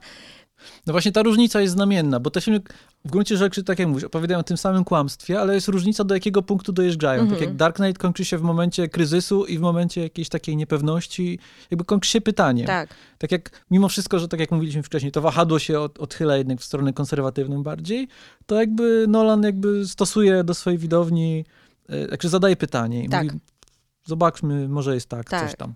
Natomiast tutaj film kończy się triumfalnym zwycięstwem Batmana, który jakby powtarza to kłamstwo tak. raz jeszcze, a rewolucja, te siły rewolucyjne są siłami, które chcą zepsuć społeczeństwo, które uznają pryncypium prawdy, tak. że być może społeczeństwo działa jakoś tam, być może Batman wygrał, yy, zrobił coś dobrego, ale to jest ufundowane na kłamstwie i trzeba to kłamstwo zniszczyć. Tak. Więc no, on widzi rewolucję jako jakiś taki naiwny, gówniarski impuls do sprzeciwienia się temu, że rodzice jednak zrobili coś złego, mhm. a rodzice mają prawo do robienia czegoś złego i ci rodzice muszą na końcu e, zostać uwznieśleni po raz kolejny. No i to tak bardzo konserwatywnie wypada i bardzo czarno-biało niestety. Mm -hmm. Mimo tego, że tak jak mówiłaś, Dark Knight był filmem, który powstał w świetle wojny z terroryzmem tak. 9, 11 września. No to Dark Knight Rises to był film, który powstał w czasie w czasie ruchu Occupy Wall Street i tych ruchów oburzonych, które bu budziły się w kolejnych y, krajach na świecie. No i Nolan chyba chciał się tutaj podpiąć pod kolejny e, aktualny temat. Ale no zabrakło, ale tego, zabrakło tak. tego niuansu, zabrakło też zrozumienia i zabrakło przepisania tego konfliktu na, na to, co dzieje się w filmie. Jakby to... Tak, to jest, to jest główny, główny mój zarzut, bo tak jak już mówiłam na początku, to jest film, który jest bardzo w sumie, bardzo podobny konstrukcyjnie do Batman Begins. W sensie, mhm. że tam są bardzo podobne bity uderzane. Jakby to chyba celowo, w... bo to ma tak, się tak, tak. lustrzanie no, rymować. Oczywiście, no jakby, wiesz, dajmy, dajmy Nolanowi kredyt przynajmniej taki, że on mhm. jednak jest dosyć, no wie co robi, no gdzieś tam. Tak jak, tak jak w pierwszym był o spadaniu, to ten Tak, powsta- o powstawaniu się, no. dokładnie no. i tak dalej, i tak dalej. No i też mamy e, Bruce'a Wayne'a, który... Przez pół filmu nie jest Batmanem? Nie jest Batmanem, a potem wychodzi, z, też jest, trafia do jakiegoś dziwnego więzienia, prawda, Aha. i tak dalej, i tak dalej. No Mamy różne... twist z, z, z członkiem rodziny z, Algulów. Tak, tak. To, to, tego też może przejdziemy za chwilę. A, chciałam powiedzieć, tak zero chemii między mhm. Christianem Bale'em i kobietami w tym filmie, to naprawdę szczególnie między e, Marią Cotillard, ale to jest jakby, dobra, możemy, może do tego wrócimy. Chodzi mi bardziej o to, że Bane też miał być taką postacią jak ala Joker, czyli mhm. jakąś taką postacią, która wprowadza jakąś w pewnym sensie anarchię, mhm. tylko że tutaj naprawdę mhm. świat nie jest zbudowany w ten sposób. No. Bo to, że się mówi, mówi różne rzeczy, to nie znaczy jakby show don't tell. I to mhm. Chris, Chris powinien wiedzieć lepiej. Mhm. Nie, nie można po prostu tylko o tym rozmawiać. No, trzeba, trzeba to pokazać. Plus kiedy wreszcie nastają rządy ludu, to jest jakaś parodia rządów no. ludu. Oczywiście o to chodzi Nolanowi, ale to jest bardzo taką grubą krechą narysowane. Ale wydaje mi się, że też problem polega być może na tym, że jeśli chcesz opowiedzieć o rewolucji, w czasach rewolucji, ja nie wiem, czy Batman jest dobrą postacią do opowiedzenia o tejże rewolucji w, w historii, w której Batman ma wygrać na końcu. Bo Batman mimo wszystko jednak jest narzędziem represji. Batman jest policjantem. Może jest cool, może ma fajny samochód, ale Batman jest ostatecznie policjantem. Mm. Nie da się opowiedzieć o rewolucji mm, w pozytywny sposób wykorzystując Batmana. Znaczy może po prostu Nolan nie lubi mm. rewolucji, tak jak już mówiliśmy. Się wydaje, jest zapiętym że, pod tak, panem. Tak. i chciał pokazać, że jednak policja jest dobra. D- dosłownie, mamy No przecież nie, w tym no filmie scenę scena, starcia policjantów. Policja, przecież całą policję, dokładnie, cała policja, jest, to jest cała jakby jedna z części planu, że policja jest zamknięta w podziemiach, prawda? Cała policja. Cała policja, dob- dobra. Jakby, tak jak mówię, Bomba na sznurku. bomba na sznurku, ja rozumiem, ja rozumiem. Przypominam, że w Batman Begins była torpeda jakaś dziwna Tak, ale pod to jest wszystko y, Wayne kwestia Tower. tonacji. Batman Begins, mimo, tak jak już Tak. mówiliśmy, był filmem przygodowym, a to jest film, Plus- który się sili na metaforę współczesności. Tak, plus Batman Begins ci naprawdę to, to, to wszystko ci działa. A Mhm. tutaj ten świat jest, jest rozczłonkowany moim zdaniem i nietrafione są te metafory. Tam jest, e, zdaje się, powiedziane, że e, bracia, bracia Nolan opierali... Dickens. tak, o, Dick- e, jak, to, jak się Opowieść tak, o dwóch miastach. opowieść o dwóch miastach, prawda? Która kompletnie no jakby, jeżeli pokazujesz coś, co ma przypominać francuską rewolucję, to musisz, kurde, pokazać tych biednych ludzi dręczonych. Mhm. I can't stress this enough. No nie mogę tego jakby po prostu przeżyć w Tak, bo- sumie. Bo oczywiście można opowiedzieć o tym, jak rewolucja się degeneruje i Oczywiście, na końcu na też- gilotynę trafiają wszyscy, ale trzeba też pokazać, że tam, że jakby idee rewolucji Tak. u jej zalążku były słuszne i na Tak. tym polega ironia i dramat i tragedia Tak. tejże rewolucji. Natomiast Tak. Nolan nie pokazuje tego fundamentu, pokazuje nam tylko to wykoślawienie zrealizowanej rewolucji, Czy to- co odbiera przede wszystkim e, dramatyzm Tak. temu filmowi. no, No, I mi się wydaje, że dobrą metaforą, skoro mówimy o metaforach, dobrą metaforą tego filmu jest postać Bane'a, który jest taki umieśniony i silny i groźny i w ogóle niebezpieczny, ponury, ale bełkocze swoim cienkim, chrapliwym głosikiem coś tam o rewolucji i społeczeństwie. I generalnie jakoś to nie wychodzi. nie.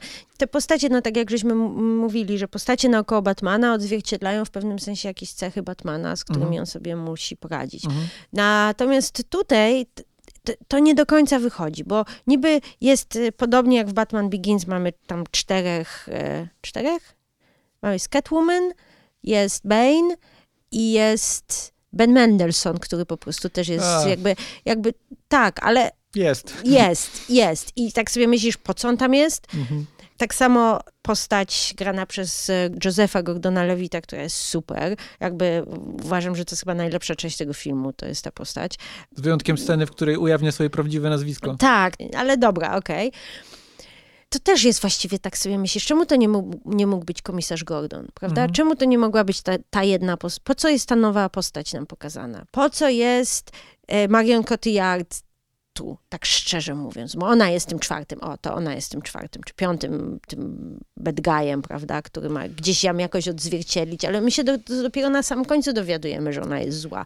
Więc to nie, to nie działa, jakby te osie konfliktu No na przykład są... Na przykładzie Marion Cotillard i postaci Tali Al Ghul, Mhm. dobrze możemy to Tak. opisać, bo i przeciwstawiając ją Russell Ghulowi z pierwszego Tak. filmu, którego poznajemy najpierw, spędzamy z nim jedną trzecią filmu, Tak. co prawda myśląc, że jest kim innym, ale kiedy okazuje się pod koniec, że to jednak on jest Russell Ghulem, to cały ten fundament jest zbudowany, że dokładnie wiemy, kim on jest, wiemy, czego, czego on chce, po prostu ma inne nazwisko niż myśleliśmy wcześniej. Natomiast Marion Cotillard przez cały film udaje, że jest kim innym. Wtedy, kiedy udaje, że jest kim innym, to w ogóle jest, robi inne... jest żadną postacią tak, tak. naprawdę. Plus robi rzeczy, które są naprawdę pozytywne, prawda? Ona chce zbawić świat, ona chce... Mhm. Ja właściwie nawet nie wiem, co ona chce, tak szczerze mówiąc. No, nie i, pamiętam. ale co gorsze, ona swoją prawdziwą tożsamość i motywację ujawnia 15 minut przed końcem filmu, To jest gdzie za... absolutnie jest za późno na cokolwiek. Co więcej, ten ruch momentalnie umniejsza postać Mhm. Bane'a, tak. który z głównego antagonisty filmu nagle staje się jakimś po pomocnikiem, pomagierem w zasadzie. Ona jest czystą kartą, na którą musimy sobie momentalnie zaprojektować to, co mówił wcześniej Bane i to, co Mhm. mówił wcześniej Liam Neeson, Russell. Gould w pierwszym filmie. Ale to jest bardzo dużo pracy, które musimy wykonać w 15 w minut. 15 minut.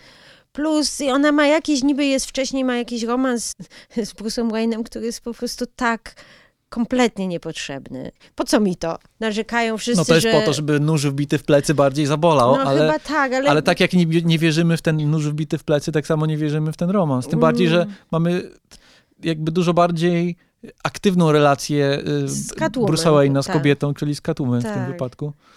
Która też jest jedną z lepszych części, części tego filmu. Tak, no to jest trochę tak, to jest ciekawe, nie spodziewałbym się tego po Anne Hathaway, że ona jest takim hitem ledgerem tego filmu No. trochę, że ona jakby wnosi ten element jakiegoś takiego dystansu, który jest bardzo potrzebny. Mhm. Co prawda jest go za mało w tym, tego elementu w tym filmie i być może jej za mało jest w tym Mhm. filmie. Nie podoba mi się, że biega w obcasach. No, To jest problem z, z, z superbohaterkami generalnie. no niestety, obsesy nie są stworzone do biegania, aczkolwiek i tak są lepsze do biegania, zdaje się, niż te koturny, co mają większą, większość dziewczyn. Obces ci przynajmniej pozwala ruszać, ruszać stopą, a koturna jest totalnie blokująca, blok- blokująca stopę. No nieważne, techniczna uwaga. Nie polecam biegania w obcasach, może to się bardzo źle skończyć. Tak, ale Anne Hathaway jest, ta, ta postać jest lekka i, i, i mimo, że też nie ma może jakiejś super, super chemii między nią a... Inaczej powiem. Mimo, że na końcu ich widzimy razem w tej kafejce, kompletnie nie kupuję, że mogliby być parą. To jest kolejny taki przykład, Mhm. że dobra, czyli naprawdę jak już jest dziewczyna, to musi to być e, love Mhm. interest, to musi być jakby jakaś historia miłosna, czy nie może po prostu mieć fajną jakąś relację kumpelską, czy partnerską, czy jakąś taką inną, nie, nie muszą No się bardziej, że jak to zwykle u końcu. Nolana, jakby główne jak- emocjonalne relacje w tym filmie są między mężczyznami. W tym wypadku chyba Alfred, gdzie No zostaje nie, no jest... odrzucony przez Bruce'a i ma taką bardzo No. wzruszającą scenę, gdzie tam o, Tak, tak. Michael Caine. że nie będziesz chował kolejnego członka rodziny. Tak, no ale też jest właśnie Joseph Gordon-Levitt. To też, e, oczywiście, to jest... Batman odwiedza komisarza Gordona w, em, w szpitalu, też jest dosyć wzruszająca Mm. relacja i tak dalej, i tak dalej. A potem całuje się z Catwoman i tak myślisz sobie, "Eee, nie chcę tego, na to się patrzeć. No mi się wydaje, że to jest film, który trzyma się w kupie tylko przez to, że wiesz, jak wygląda film i jakby wyobrażasz sobie film oglądając. Jak zachowuje się jak film, o, zachowuje się jak film, ale nie działa jak Tak. film. Też Hans Zimmer tutaj robi dużo. Ja nie mówiliśmy chyba dotychczas o Hansie Nie. Zimmerze, ale Muzyce. Mi się bardzo ten motyw Batmana podoba. Tak, dobry. To, to jest też ciekawe, on jest taki mniej, dotychczas te motywy batmanowskie były takie bardziej klasyczne, melodyczne, Mhm. a Hans Zimmer jest raczej tak, Hans Zimmer raczej niż do twojego serca, to do twoich bebechów e, Tak. uderza. Te bębny, bardzo takie to jest Mhm. rytmiczne. Swoją drogą tutaj też chyba stworzono taki precedens, potem e, przez kolejną dekadę e, każdy film akcji musiał mieć taki pulsujący, Mm. tykający soundtrack, jak to e, w filmach o Batmanie. No ale to działa tutaj bardzo dobrze. I wydaje mi się, że ten Hans Zimmer tutaj robi mnóstwo tej roboty, jakby, bo on buduje to wrażenie tej epickości, bo film Tak. jednak no, nie ma tego Rises, tylko film, Mm. o właśnie, właśnie upadł mi długopis i to jest, to jest idealna metafora tego filmu. No, E, tak, ja jeszcze chcę tylko wspomnieć o motywie muzycznym Jokera. To jest z innego filmu, nie z tego, Mhm. ale jest też niesamowity. Tak męczący i tak dręczący motyw, e, wyciskający ci w, bebech, w bebechach jakąś po prostu dziurę, że masz ochotę, żeby przes- przestał. patrz, mówisz A. o motywie Jokera, ale męczący i dręczący brzmi jakbyś mówiła o filmie Mroczny Rycerz powstaje.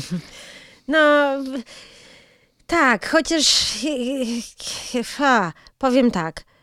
W porównaniu do tych filmów, które nastąpią, nie mówię tutaj o Lego Batman, Mhm. ale o Batman v Superman czy o e, Justice League, ten film jest całkiem, całkiem filmem. Mhm. No, całkiem się go ogląda, możesz się łapać za głowę, albo się śmiać, albo myślisz sobie, haha, co, co, w ogóle co za bzdura, albo kim są ci ludzie, to jednak, nie wiem, ma się wrażenie, że Nolan coś przemyślał, coś zrobił, coś, coś w jakiś, jakimś kierunku szedł, coś chciał osiągnąć. A w Batman v Superman, ja nie wiem, co, ja nie wiem, co tam się Chociaż ja się zastanawiam, czy nie powinniśmy zaburzyć chronologii i teraz A. porozmawiać o Lego Batmanie, Myślisz? a potem jakby Bena Afflecka dwa filmy z- zbić Zrobić, razem. Zbić, Tak Pewnie, mi się no wydaje, też nie? poprawmy sobie humor na chwilę, żeby potem go zepsuć. Możliwe, możliwe. Napięcie musi rosnąć. Możliwe, no dobrze. Tym Lego- bardziej, że Lego Batman tutaj dość, co prawda są tam też odniesienia do Bena Afflecka, ale wydaje mi się, że ten film dość mocno odbija się od tego, co zaprezentował Christopher Nolan, od tej tonacji, którą wprowadził. No to już No od, tak. od pierwszych sekund tego filmu w zasadzie widać, z czego się Ale To śmiejemy. jest tak zabawne.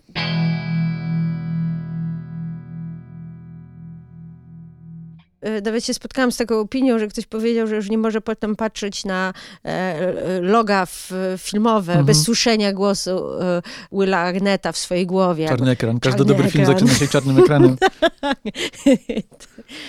tak, tam jest też że taki... Też jest dobre, jak, jak Baton się zastanawiał, Warner Bros., czemu nie Brothers? Tak, no, albo, albo potem się zastanawia Rat Pack. Nie wiem, co oni robią, ale ich Ale logo dobre logo. wygląda nieźle. Więc ja sobie wtedy pomyślałam, teraz już nic nie robią, dzięki Bogu. ale, ale to jest naprawdę zabawny film. No to jest też chyba coś, co było potrzebne, bo to, tak jak mówiłem, że Nolan odbił to wahadło po, po Schumacherze, Mhm. w, to trzeba było wrócić. Co prawda to był powrót y, bardzo na krótką chwilę, bo zaraz Ben Affleck i tutaj Matt Reeves za Mhm. rogiem y, wracamy do Mrocznego Batmana, ale to było coś, coś potrzebnego. Bo w tym wieku, mówimy tutaj teraz o Mhm. XXI wieku, chyba niewiele było tych takich pozytywnych wersji Batmana, że jednak dominował ten Batman mroczny, dominował Nolan, potem no Affleck. tak. Ja tutaj tylko wspomnę może o, o serialu Batman Brave and the Bold, który był takim, takim światełkiem, jakby odwołaniem do tych y, śmiesznych, absurdalnych i obciachowych y, historii y, z. Batmanem w roli głównej. Autor, autorem tego był ten sam autor, co at, ym, Batman Animated Series zrobił. Jakby byli pożyca, pożyczani Mhm. scenarzyści, Mhm. faktycznie Paul Dini pisał kilka odcinków, no zwłaszcza taki odcinek, to możemy o nim wspomnieć Tak, tutaj tak. W, na marginesie. Legends of the Dark Might, którym Batman spotyka postać wyklętą przez e, fanów Mrocznego Batmana, czyli Batmite'a, czyli... Mhm. mm, Fana. Toksycznego fana. Toksycznego fana Batmana, tak, czyli, czyli skrzata z piątego wymiaru, który jest hiperfanem Batmana. No i to jest ciekawa dyskusja Mhm. właśnie z toksycznym fandomem i z tego, czego oczekują po Mhm. Batmanie fani, a oczekują często bycia mrocznym ym, i super fajnym i, i w Tak. ogóle, nie wiem, jakim jeszcze, nolanowskim bardzo Tak, generalnie. tak. Tam jest też taka fajna, taki fajny motyw, bo Batman mówi, no to może ty zostań Batmanem, prawda? Mhm. Ja, ja, ja nie będę robić nic. I to też jest fajne, bo tu jest pokazane, że Batman jednak jest bardzo sprytny i jest e, fajną postacią, między innymi dlatego, że jest inteligentny i rozwiązuje często e, problemy, mimo że jest e, underdogiem, Mhm. w danej sytuacji, czyli na przykład, że, że, że wilani są dużo bardziej, są potężniejsi, są, e, często mają przewagę, ale Batman wykorzystuje swój spryt, inteligencję Mhm. dużo częściej niż siłę, prawda? I to Mhm. jest właśnie ten de- detyw- detektywistyczna wersja Batmana też. Tutaj Batman też pokonuje tego superfana swojego, właśnie mówiąc, ja nic nie będę robił, ja si- siedzi na kamieniu i jakby nie będę z nikim walczył, jak chcesz, to ty walcz. I potem okazuje się, że wcale to nie jest łatwo robić to, co Batman. No i to jest po, podobna rzecz, którą robi Lego Batman. Tak. Czyli wprowadza taki dystans do postaci Batmana, ale też traktuje Batmana całościowo, holistycznie, Mhm. z całą jego przesz- przeszłością. Tak. To jest też taka fajna rzecz, którą zrobił, tutaj mała dygresja o komiksach, kiedy scenarzysta komiksowy Grant Morrison zaczął Mhm. pisać historię Batmana. On postawił na taki eksperyment myślowy. Zastanowił się, co by było, gdyby wszystko, co przydarzyło się Batmanowi w komiksach, było historią jednego człowieka. Mhm. I to faktycznie była jakby ta opowieść o nim, A. gdzie w, początkach był mroczny, potem pojawia się Robin, więc robi się kolorowo. Mhm. Potem są psychodeliczne lata 60. i 50., a Batman i Robin są spsikiw- spsikiwani różnymi, wiesz, Mm. Tutaj strach na wróble ich swoim No gazem tak, i tak tak, dalej, tak, więc oni tak. mają różne wizualizacje. Potem są lata 80., Batman robi się mroczny i tak dalej.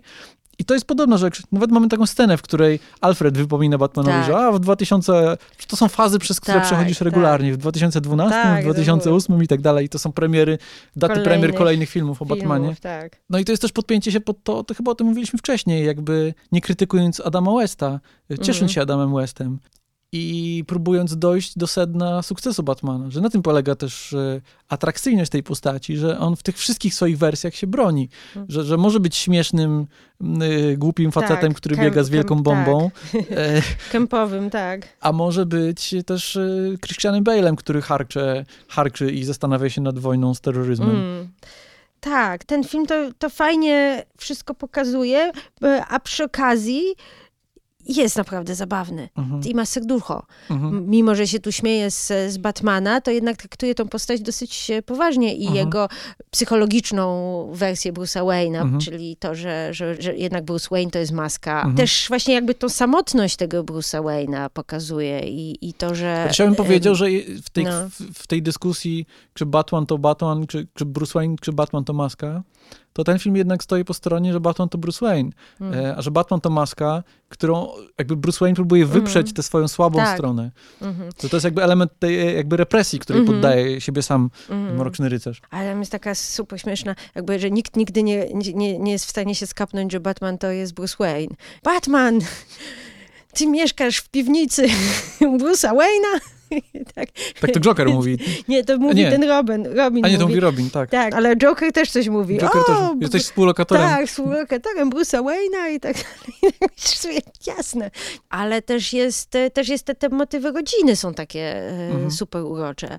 No i przede wszystkim tej miłości, miłości slash nienawiści e, Batmana i Jokera. Przecież to jest ta główna relacja. No to jest moim zdaniem bardzo taki, bardzo taki wiarygodny i pogłębiony portret psychologiczny Batmana. Tak. Że można by jakby zlekceważyć ten film, mówiąc sobie, a to są takie żarciki. Mm.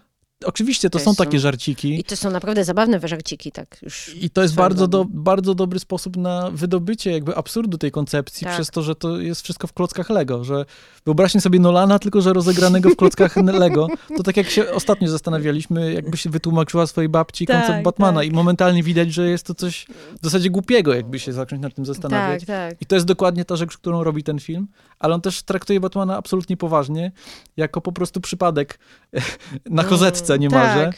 No i przerabia te, te jego wszystkie problemy, chyba tak to trzeba no nazwać. No tak, traumy, tak.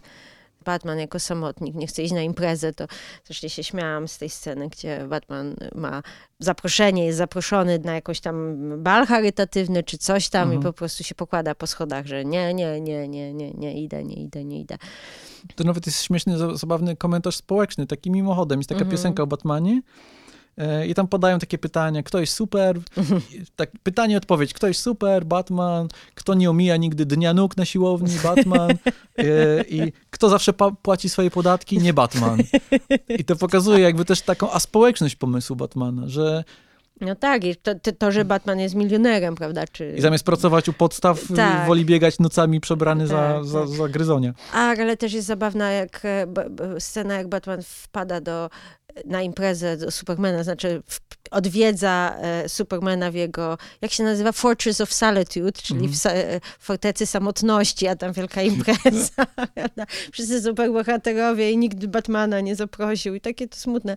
Właśnie tak, to jest też ale... ciekawa rzecz, która, to mm. chyba też e, w, w, filmach Snydera się pojawia, a to jest coś, czego nie było wcześniej mm. w filmach aktorskich, czyli Batman na tle innych superbohaterów. Tak. To też jest trochę inny portret, bo zawsze Batman jest samotnikiem w swoich mm. filmach, jakby z natury tego, że to są filmy tylko o Batmanie. Tak. A tutaj jesteśmy w stanie zobaczyć różnicę, która mm -hmm. polega na tym, e, jak on ma się przeciwstawiony tak. do innych e, herosów, jak funkcjonuje w ich grupie i to też można różnie interpretować. Są różne wersje. Jest Batman jako mm. ten najlepszy, najbardziej szanowany przez tak. wszystkich, który z wszystkim sobie jest w stanie poradzić, a tutaj mają Batmana właśnie jako aspołecznego, społecznego gbura. Gbura, tak. Tak, który wcale nie jest taką dobrą osobą, jednak potrafi być super nieprzyjemny. Zresztą cała akcja z tym wielkim klockiem Lego mhm. w, tej, w tym fantom więzieniu, czy jak się to nazywało tam. Mhm. Batman widzi, że jego poczynania wcale nie są takie fajne. Mhm. Że jest okropny dla Robina, okropny dla Alfreda, właściwie nie chce współpracować z innymi. I... No to jest fajna rzecz w tym filmie, że to pracuje, to jest absolutnie na tym polega, to jest temat tego filmu tak. i na tym polega droga tego bohatera, gdzie na początku to jest w zasadzie problem, który jest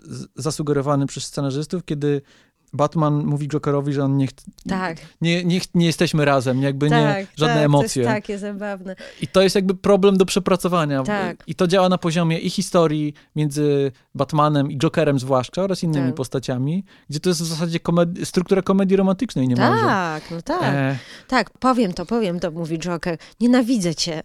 A on, ja też. I też jak Batman zarzuca Jokerowi, że chce go uwięzić w związku. Ale to, to działa raz na tym poziomie, jakby tak. gatunkowym i na poziomie psychologicznym, ale to też działa na poziomie metafory klocków Lego, tak. gdzie klocki Lego przecież można ze sobą łączyć. łączyć tak. I to jest tak. jakby ostateczne rozwiązanie tego problemu, gdzie Gotham City zaczyna się rozpadać. Rozpadać i się ludzie łączą ze sobą, prawda? Czyli to też takie ładne, tematyczne zamknięcie. To chyba lepiej działa po angielsku, gdzie mówi się stick, stick together. Tak. Czyli muszą się trzymać razem, czyli skleić tak, razem dosłownie tak, tak. swoimi głowami, gdzie klocki tak. Lego mają te takie łączniki. No też ten film fajnie przepracowuje taką wizję Batmana, która pokotuje wśród młodych, yy, może nie tyle młodych, która pokutuje wśród fanów. Takiego samotnika, Batmana, twardego, samotnika, tak. twardego mężczyzny. I to jest też coś, prawda? co wydobył, yy, to wspominam o tym Grancie Morrisonie, który potraktował tak. Batmana jako całość. I on ma jeszcze jedną rzecz y, ciekawą, y, znalazł w tej postaci. On jakby, on uświadomił sobie, a siłą rzeczy swoim czytelnikom, pierwszą prawdę Batmana. On to nazwał pierwszą prawdą mhm. Batmana. I pierwsza prawda Batmana, jego zdaniem, jest taka, że Batman nigdy nie był sam. Mhm. Że pierwszy akt, nawet kiedy Batman kiedy Batman widzi tego nietoperza, który Mhm. latuje przez szybę. W komiksie Franka Millera mamy tę scenę i on musi zadzwonić dzwoneczkiem po Alfreda. I ten dzwoneczek jest tą metaforą Mhm. Batmana, który prosi o pomoc. I Batmana, który nigdy nie był de facto sam. Mimo Mhm. to, że stracił rodziców, to miał zawsze Alfreda. Zawsze no tak. jest, jest Robin. Robin jest, Potem jest Ace, Bad Pies, Mhm. Bad Girl, która tutaj się pojawia, Tak. komisarz Gordon nawet. No tak, tak, Więc- tak, tak. Ta idea Batmana samotnika jest w pewnym sensie nieprawdziwa, jeśli się Mhm. przyjrzeć dokładnie Batmanowi. I też o tym trochę jest ten film. Mhm. Tylko, że osobą, która musi sobie to uświadomić w tym filmie jest, sam właśnie Batman. Batman, tak.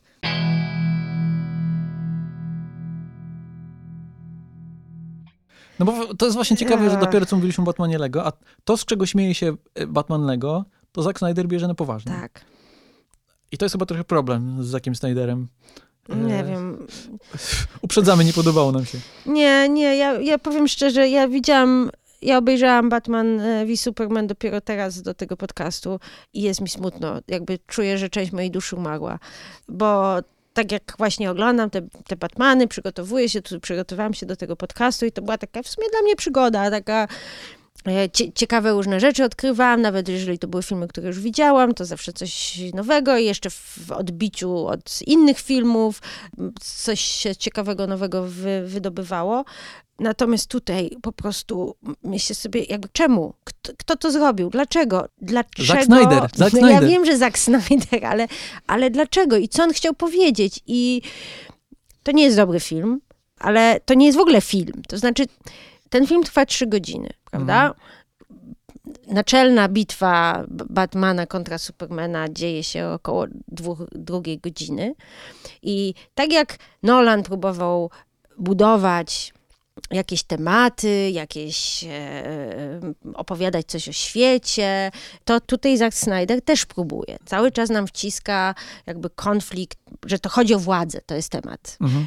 Ym, Lex Luthor, który ciągle coś gada o diabłach, diabłach aniołach, władzy, czy władza korumpuje, nie korumpuje, nie wiem, on ma kilka jakichś takich nudnych przemów Mhm. i tak dalej. Tylko, że właśnie dlaczego to nie działa? Bo żaden z tych tematów nie odzwierciedla się w bohaterach Mhm. i w ich motywacjach i, i w związku z tym, jak już dochodzi do tej do tego głównego konfliktu, gdzie Batman, gdzie Superman jest zmuszony przez Le Lexa Luthera do walczenia z Batmanem, to on jest po prostu zmuszony, on jest zaszantażowany, Mhm. prawda? Porwaniem, jest, ma, mama jest porwana, Marta, Co jest beznadziejną motywacją. Wszy- wszystko jedno. Może nawet być motywacją jakąkolwiek, ale to nie jest motywacja, która była budowana mi przez dwie godziny. O to mi chodzi. I ja właśnie sobie myślę, to po cholerę, ja oglądałam te dwie godziny, po cholerę. Jakby co mi te dwie godziny filmu, ta opowieść, co mi to dało? Nic mi to nie dało. Skoro motyw, oni mogliby Mhm. walczyć już, wiesz, 15 minut po rozpoczęciu filmu, jeżeli ta, to miała być ta motywacja. Już nie mówiąc o tym, że gdyby po prostu Superman zamiast popychać Batmana ciągle, to po prostu go wziął, podleciał trochę do góry i powiedział, hej, on porwał moją mamę, musimy coś wymyśleć, żeby, żeby ją uratować. Czemu on mu nie tłumaczy? On mówi, hej, musimy porozmawiać, a tamten go wali. No więc, dobra. Ugh. Nie, Czekaj, ale to, to, bo to jest, to jest sedno, to jest główny temat, o którym musimy porozmawiać. To jest główny temat, ale jeszcze jedną rzecz chciałam powiedzieć, że to, żeby był konflikt, musi Mhm. być konflikt. To No znaczy, właśnie. muszą być dwie strony, które mają coś przeciwko sobie. Mhm. Reprezentują jakieś dwie strony jakiegoś, jakiejś historii. No, Civil War, no już, nie, ale dobra, to jeszcze też do tego dojdę. Natomiast tutaj mamy Batmana i Supermana, którzy są w sumie tą samą osobą. Mhm. Oni się kłócą o, o nic. To znaczy, Kto będzie pierwszy? kto będzie pierwszy. No. Już nie mówiąc o tym, żeby zbudować dobry konflikt, też trzeba mieć stawkę, żeby bohaterowie mieli jakąś relację wcześniej, prawda? Oni nie Mhm. mają żadnej relacji wcześniej. To jest mój rant. Znaczy będzie więcej, ale... Nie, bo ja będę pogłębiał temat, tak. albo przynajmniej go wydłużał, niekoniecznie No. pogłębiał. Więc jeszcze będziemy o tym mówić. E, Mm, No bo tak, faktycznie, jeśli, jeśli film nazywa się Batman v Superman, no to powinien być przede wszystkim o tym, o tym starciu. Tak, Tak. jak mamy Dark Knighta, gdzie Batman i Joker, tak jak już mówiliśmy, od razu są ustawieni na tych przeciwstawnych pozycjach i cały film przerabia te ich relacje, Tak. na czym polega różnica między nimi i czemu jeden mówi A, a drugi mówi B. tak. tutaj ja nie wiem. To no jest na serio ta sama osoba, prawda? Bo mamy bardzo dobre otwarcie tego filmu. To znaczy mamy, e, już nie, mu, nie mówię o śnie Bruce'a Wayne'a, który, jest, który nie jest dobry, to mamy bardzo ciekawe to otwarcie. Mhm. Zniszczenie Metropolis e, z punktu widzenia Bruce'a Wayne'a, czyli Mhm. jakby kontynuację e, Człowieka ze Stali, Mhm. finał Człowieka ze Stali, który jest dosyć przygnębiający. I tutaj widzimy, że Bruce Wayne mógł się na serio wkurzyć na Supermana i mógł naprawdę uważać, że to jest po prostu niefajne. Mhm. Ale z drugiej strony on zachowuje się bardzo podobnie. W sensie też jest niefajny dla... Bo, bo Zack Snyder ciągle mówi, że jakby... Wszy... Znaczy inaczej. Wszyscy oskarżali Zacka Snydera, że Batman zabija. Batman przecież nie zabija. W jego filmie Batman zabija. Używa pistoletu, czego Batman by nigdy nie robił i tak dalej, i tak dalej. Ja osobiście nie mam jakiegoś takiego przywiązania, że Batman nie zabija, czy zabija, czy cokolwiek. Jeżeli coś działa w historii, to niech Mhm. tak będzie. Ale w tej historii akurat to chciałam zakląć, akurat by się przydało, żeby właśnie Batman był tą postacią, która nie zabija, że to No jest bo Batman jest tym, który wy, wysuwa argumenty etyczno-moralne. Etyczno-moralne. Mówi, Nie wolno, nie wolno, a potem sam idzie i rozwala pół miasta. I rozwala pół miasta, zabija ludzi. O, co on robi? Przypala tych. Mhm. Znakuje znakuje kryminalistów, tak. kryminalistów, którzy potem są mordowani w Tak. więzieniu. Czyli jakby przykłada rękę do tego, że, że po prostu się dzieją jakieś okropne rzeczy. I no i co? No i czy to jest ta sama postać, no. Problem zaczyna się w ogóle w poprzednim filmie Zacka Snydera, gdzie jakby, e, czyli Człowieku ze Stali, bo jakby Zack Snyder nie potrafi zrozumieć samego Supermana, Mhm. więc kiedy dochodzi do Batmana, to mamy już jakby w pewnym sensie złamany ten konflikt, bo Zack Snyder widzi super ludzi tylko jako tych takich biednych, osamotnionych e, indywidualistów, którzy są lepsi niż wszyscy i dźwigają ten ciężar tej swojej wspaniałości, a taka moralność zwykłego człowieka jest dla nich ciężarem, tak jakby. I na tym polega ten ich taki hamletyczny konflikt i to brzmi bardzo konserwatywnie. To brzmi trochę fas- faszystowsko, Trochę, bym powiedział. może nawet, właśnie, jest coś takiego. Ayn Rand chyba jest bardzo Tak. dużą inspiracją No dla Zacka tak, tak, Snydera. tak, tak. Więc to jest jedna sprawa. Druga sprawa, wydaje mi się, że to jest d- zły wpływ Franka Millera przede wszystkim. Mhm. Bo mamy ten słynny komiks Franka Millera, Powrót Mrocznego Rycerza z 86 roku, który wprowadził tę wersję Batmana jako Tak. takiego...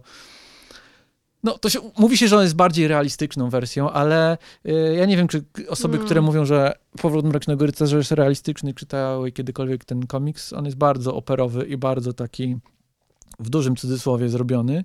Mhm. Ale Frank Miller robi coś, czego nie robi Zack Snyder, czyli umiejscawia tego Batmana mimo wszystko na jakimś społeczno-politycznym tle, w jakimś kontekście i nawet jeśli Batman jest tam tym narzędziem tej represywnej, konserwatywnej takiej siły, to wciąż, to tak jak w Mrocznym Rycerzu Nolana, to jest temat, to jest to, o czym Mhm. opowiada e, Frank Miller.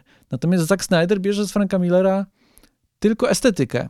Bierze tylko padający deszcz, bierze napakowanego Batmana, e, który coś tam burczy i bierze te, to przeciwstawienie Batmana i Supermana, tylko że nawet to nie działa tak jak u Franka Millera, bo u Franka Tak. Millera jest bardzo czytelny konflikt, gdzie Superman jest e, pachołkiem establishmentu, Tak. on jest dosłownie agentem rządowym, natomiast Batman jest tą energią w zasadzie chaosu. To jest Mhm. trochę odwrócony konflikt A, e, hmm. z, z Mrocznego Rycerza, gdzie to Superman jest narzędziem Mhm. porządku, natomiast Batman jest narzędziem wolności, Tak. No, wolności, chyba tak to na, Tak. nazwać. Takiej rozumianej w taki libertariański sposób, że ja jestem silny i będę robił to, co chcę. Mhm. Teraz upraszczam bardzo, ale no to, Mhm. to jest jednak y, komiksowy konflikt uproszczony. Natomiast tak jak mówisz, w filmie Snydera oni są w zasadzie tą samą postacią.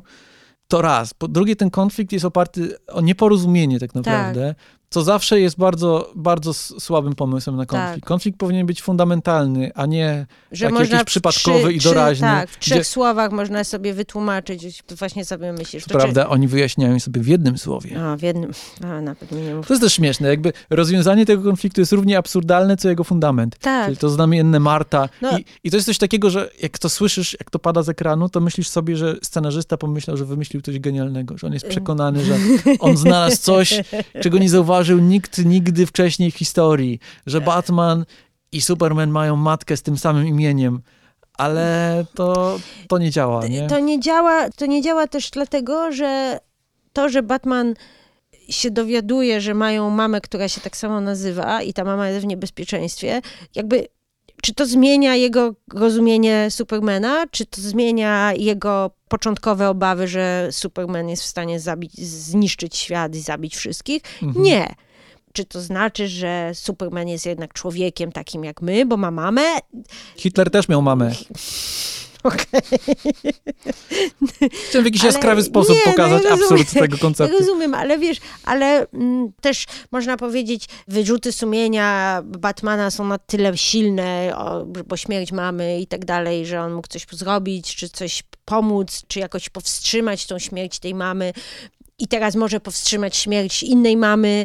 To też nie jest podbudowane. To, Mhm. nie, nie mam słów, naprawdę, aż mi, aż się... Aż, bo różne głupoty jest się w stanie kupić. Jeżeli, y, no tak jak żeśmy się śmiali, no sama koncepcja człowieka w, przebranego za nietoperza, Mhm. walczącego z, z przestępczością, to jest w gruncie rzeczy absurdalne. Ale kupujesz to, ponieważ y, całe mnóstwo rzeczy jest zbudowane wokół niego, całe mnóstwo motywów, motywacji bohatera i tak dalej, i tak dalej. A tutaj masz film, który Mhm. jest, w dodatku jest niezrozumiały Mhm.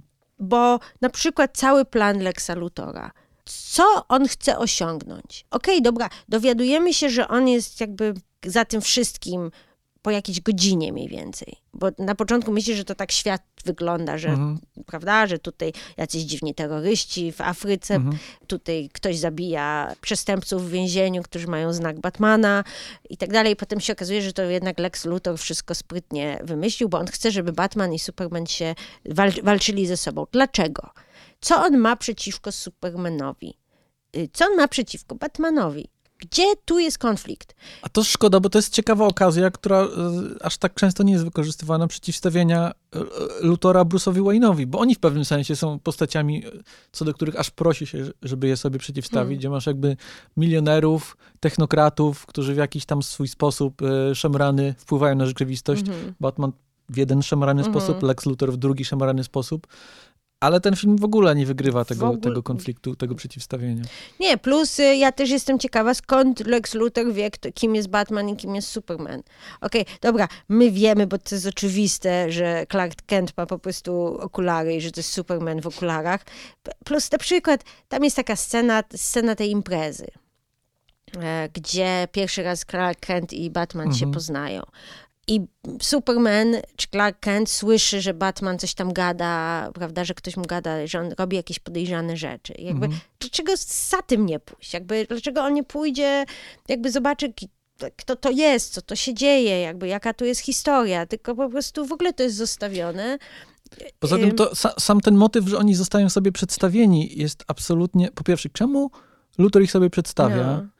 Poza tym- Jakiegoś rap- reportera dziwnego z, milion, z Poza milionerem. tym oni w zasadzie nie wiedzą, kim są nawzajem, Nie. bo Clark Kent też tak jakby za bardzo Bruce Wayne był dla niego jakąś obcą osobą. No tak, nawet- Bruce Wayne w nawet- ogóle nawet- nie jest zainteresowany jakimś tam dziennikarzem. Tak, a Clark Kent nawet nie wie, że to jest Bruce Wayne, bo się pyta, prawda, kogoś, kto no to. właśnie, to, to jest To trochę jest absurdalne. Tak jakby absurdalne. dziennikarz w- największej gazety w mieście nie wiedział, Kto jest no nie wiem, największym, najważniejszym typem w mieście. nie wiedział jak wygląda Bill Gates tak, na przykład. No, no albo... tak, no tak, ale, ale dlaczego oni się nie mogli przyjaźnić wcześniej? Nawet jako Bruce Wayne i Clark Kent. Na przykład mogło być tak, że walczą ze sobą jako Superman i, i Batman, ale nie, nie wiedzą, że oni są Supermanem O. i Batmanem. Natomiast się przyjaźnią, coś jak Catwoman i Bruce Wayne w, u Tima Bartona w Batman Returns. Wiesz, że to by było ciekawe, Mhm. prawda? I już by był jakiś konflikt, jakaś byłaby osobista więź, że, że oni mają coś do siebie, oprócz tego, że Bruce Wayne jest wkurzony, że mu rozwalił y, jego budynek. To ja teraz zmienię tylko, Mhm. e, bo tak już narzekamy i narzekamy. Ja powiem o kilku rzeczach, które mi się podobały w tym filmie. Okej. Nie, ja oczywiście nie, nie, nie, nie, lubię, nie lubię tego filmu bardzo, ale chociaż kiedy ogłoszono, że Ben Affleck zagra Batmana, to ja myślałem, że to jest żart. Mhm. To on generalnie wychodzi z tego filmu z dość, dość obronną ręką, moim zdaniem. Ale to może jest kwestia tego, że ten film jest tak zły, że po prostu cokolwiek, co nie jest tragicznie złe, w miarę się broni. Ale Ben Affleck jest okej. Co prawda to jest taka wizja Batmana, to jest taki typ mięśniaka, e, znów mięśniaka milionera. Ale nie wiem, spodziewałem się mniej po, po Benie Afflecku. Jest parę ciekawych scen z Batmanem. Bardzo fajna jest scena taka, w której policjanci wpadają do mieszkania, gdzie jest zgłoszenie jakiegoś przestępstwa. Mhm. Znajdują taki batarang wbity w ścianę i tam gdzieś Batman wisi pod A, sufitem no i tak. przemyka. I to jest bardzo fajny sposób pokazania Batmana jako jakiegoś takiego, jakiejś takiej istoty nocy, No jakiegoś tak. takiego czegoś, co w ogóle... Spidermana. Wiesz, jakbyś go zobaczyła w uli... Co? Nie, no jak Spiderman się czai. Nie, ale chodzi mi o to, że jakbyś, wiesz, we- weszła po Nie, prostu do rozumiem, ciemnego pokoju i tam by oczywiście. wisiał facet przebrany za No nie, nietoperza. Nie, no to bym się po prostu super, po prostu to super, zamiast super, się śmiać, byś się po prostu, no. Tak, no nie, no byłabym przerażona, to jest Więc fakt. to mi się podobało.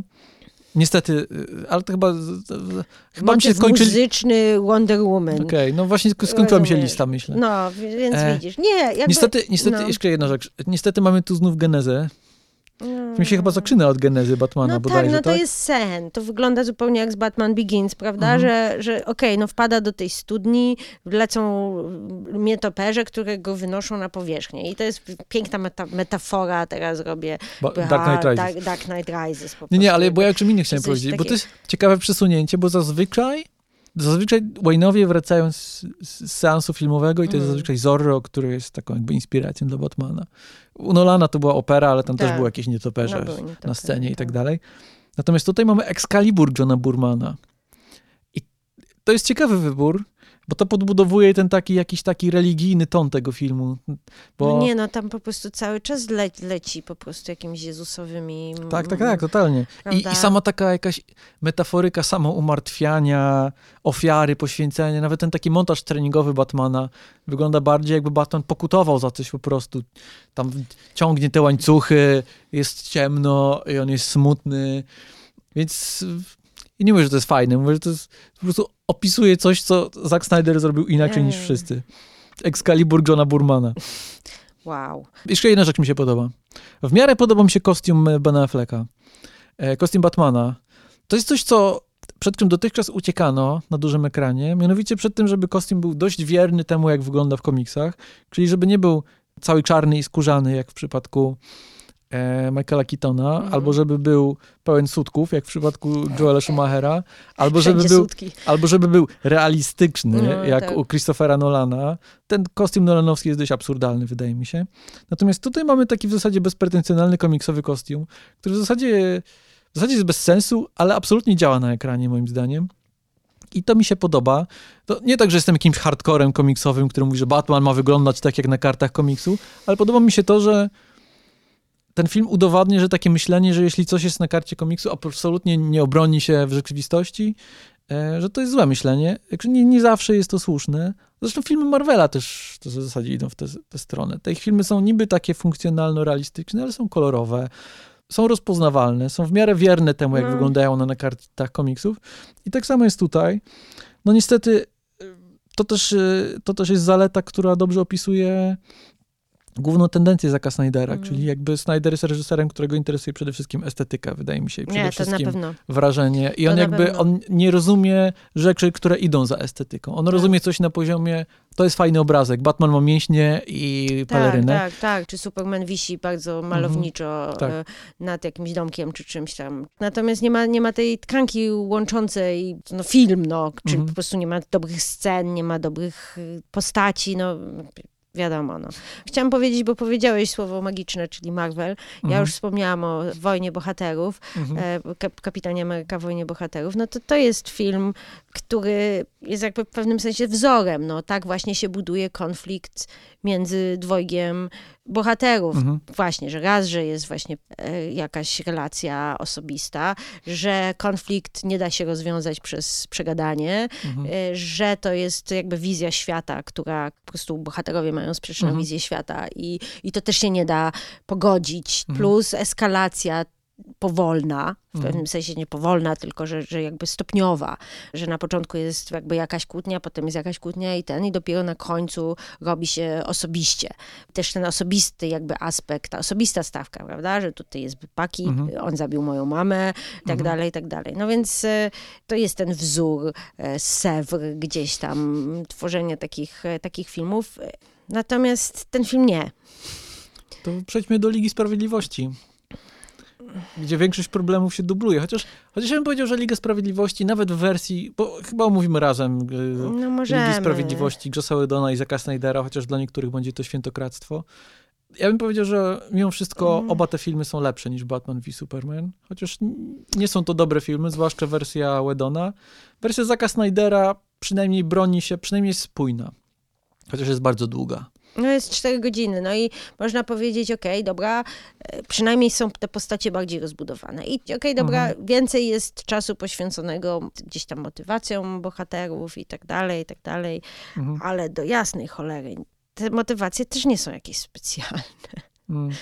No, już nie mówię no to o... Masz, tak jak w przypadku Batman v Superman, mm. mamy jakby łatwe porównanie Civil War, to tutaj mamy jakby lustro w postaci e, Infinity War, no tak? tak? Czyli filmu o tym, że przychodzi kosmita i zbiera magiczne klocki. I mamy dwie wersje opowiedzenia tej historii, czyli wersję Marvela, czyli wersję udaną, mm i wersję DC, czyli wersję nieudaną. Tak, ja, nie, ja naprawdę nie rozumiem myślenia e, teraz już tak na, ma, na marginesie e, Warner Bros. Dlaczego, dlaczego oni nie zainwestowali więcej filmów? Dlaczego oni od razu poszli po Wiesz, nie, no wiadomo złoty, dlaczego. Złoty wiadomo strzał. Dlaczego. No, no nie, ale jeżeli by zamiast Batman v Superman zrobili drugą część Man of Steel na przykład, potem zrobili film solowy o Batmanie, potem coś tam, potem coś tam, to mieliby już pięć filmów, które każdy by zarobił furgonetkę e, gotówki mhm. i potem dopiero mogliby, no tak jak, jak to zrobił Marvel, no, z biznesowego punktu widzenia nie rozumiem tego, że, że obcina się właśnie mhm. te postacie, tych bohaterów, no potem się zorientowali, że może jednak zrobienie Aquamena i zrobienie e, Wonder Woman, osobnych filmów, to jest jakby dobry pomysł i, i nagle wszyscy są super zachwyceni. Tak, ale wydaje mi się, że niesłusznie zakładasz, że korporacyjne, biznesowe myślenie jest myśleniem racjonalnym i logicznym. Wydaje mi się, że, że, że, niekoniecznie. I oni myśleli, że jak przyspieszymy, od razu będziemy mieli Batmana i Supermana, czyli dwóch największych superbohaterów, to po prostu od razu będzie najlepiej, a szczegółami zajmiemy się później. No ale no, wyszło jak wyszło. No, właśnie. no wyszło jak wyszło. Nieprzypadkowo no. chyba sukcesu Marvela dotychczas nikt nie powtórzył jeszcze, a, a wielu próbo, próbowało no, i tak. chyba wciąż próbuje budować swoje tak. uniwersa. No Przecież tak, nie wiem, czy tak, ktoś jeszcze tak. próbuje poza Gwiezdnymi Wojnami. No nie. Na przykład przecież właśnie w Justice League to jest też przykre, że oni tam po prostu budują, czy to w Justice, czy to w Batman. Jezu, one mi się zlały te filmy. Ja nie mogę. Teraz nie wiem, czy ta scena na pustyni z Lois Lane to był to był Batman v Superman, czy to, mhm. była, to był Batman v Superman? Popatrzcie, ale śmieszne. Ale to jeszcze do Batman v Superman i budowania tak. uniwersum. Tam jest scena, która y, właśnie buduje uniwersum.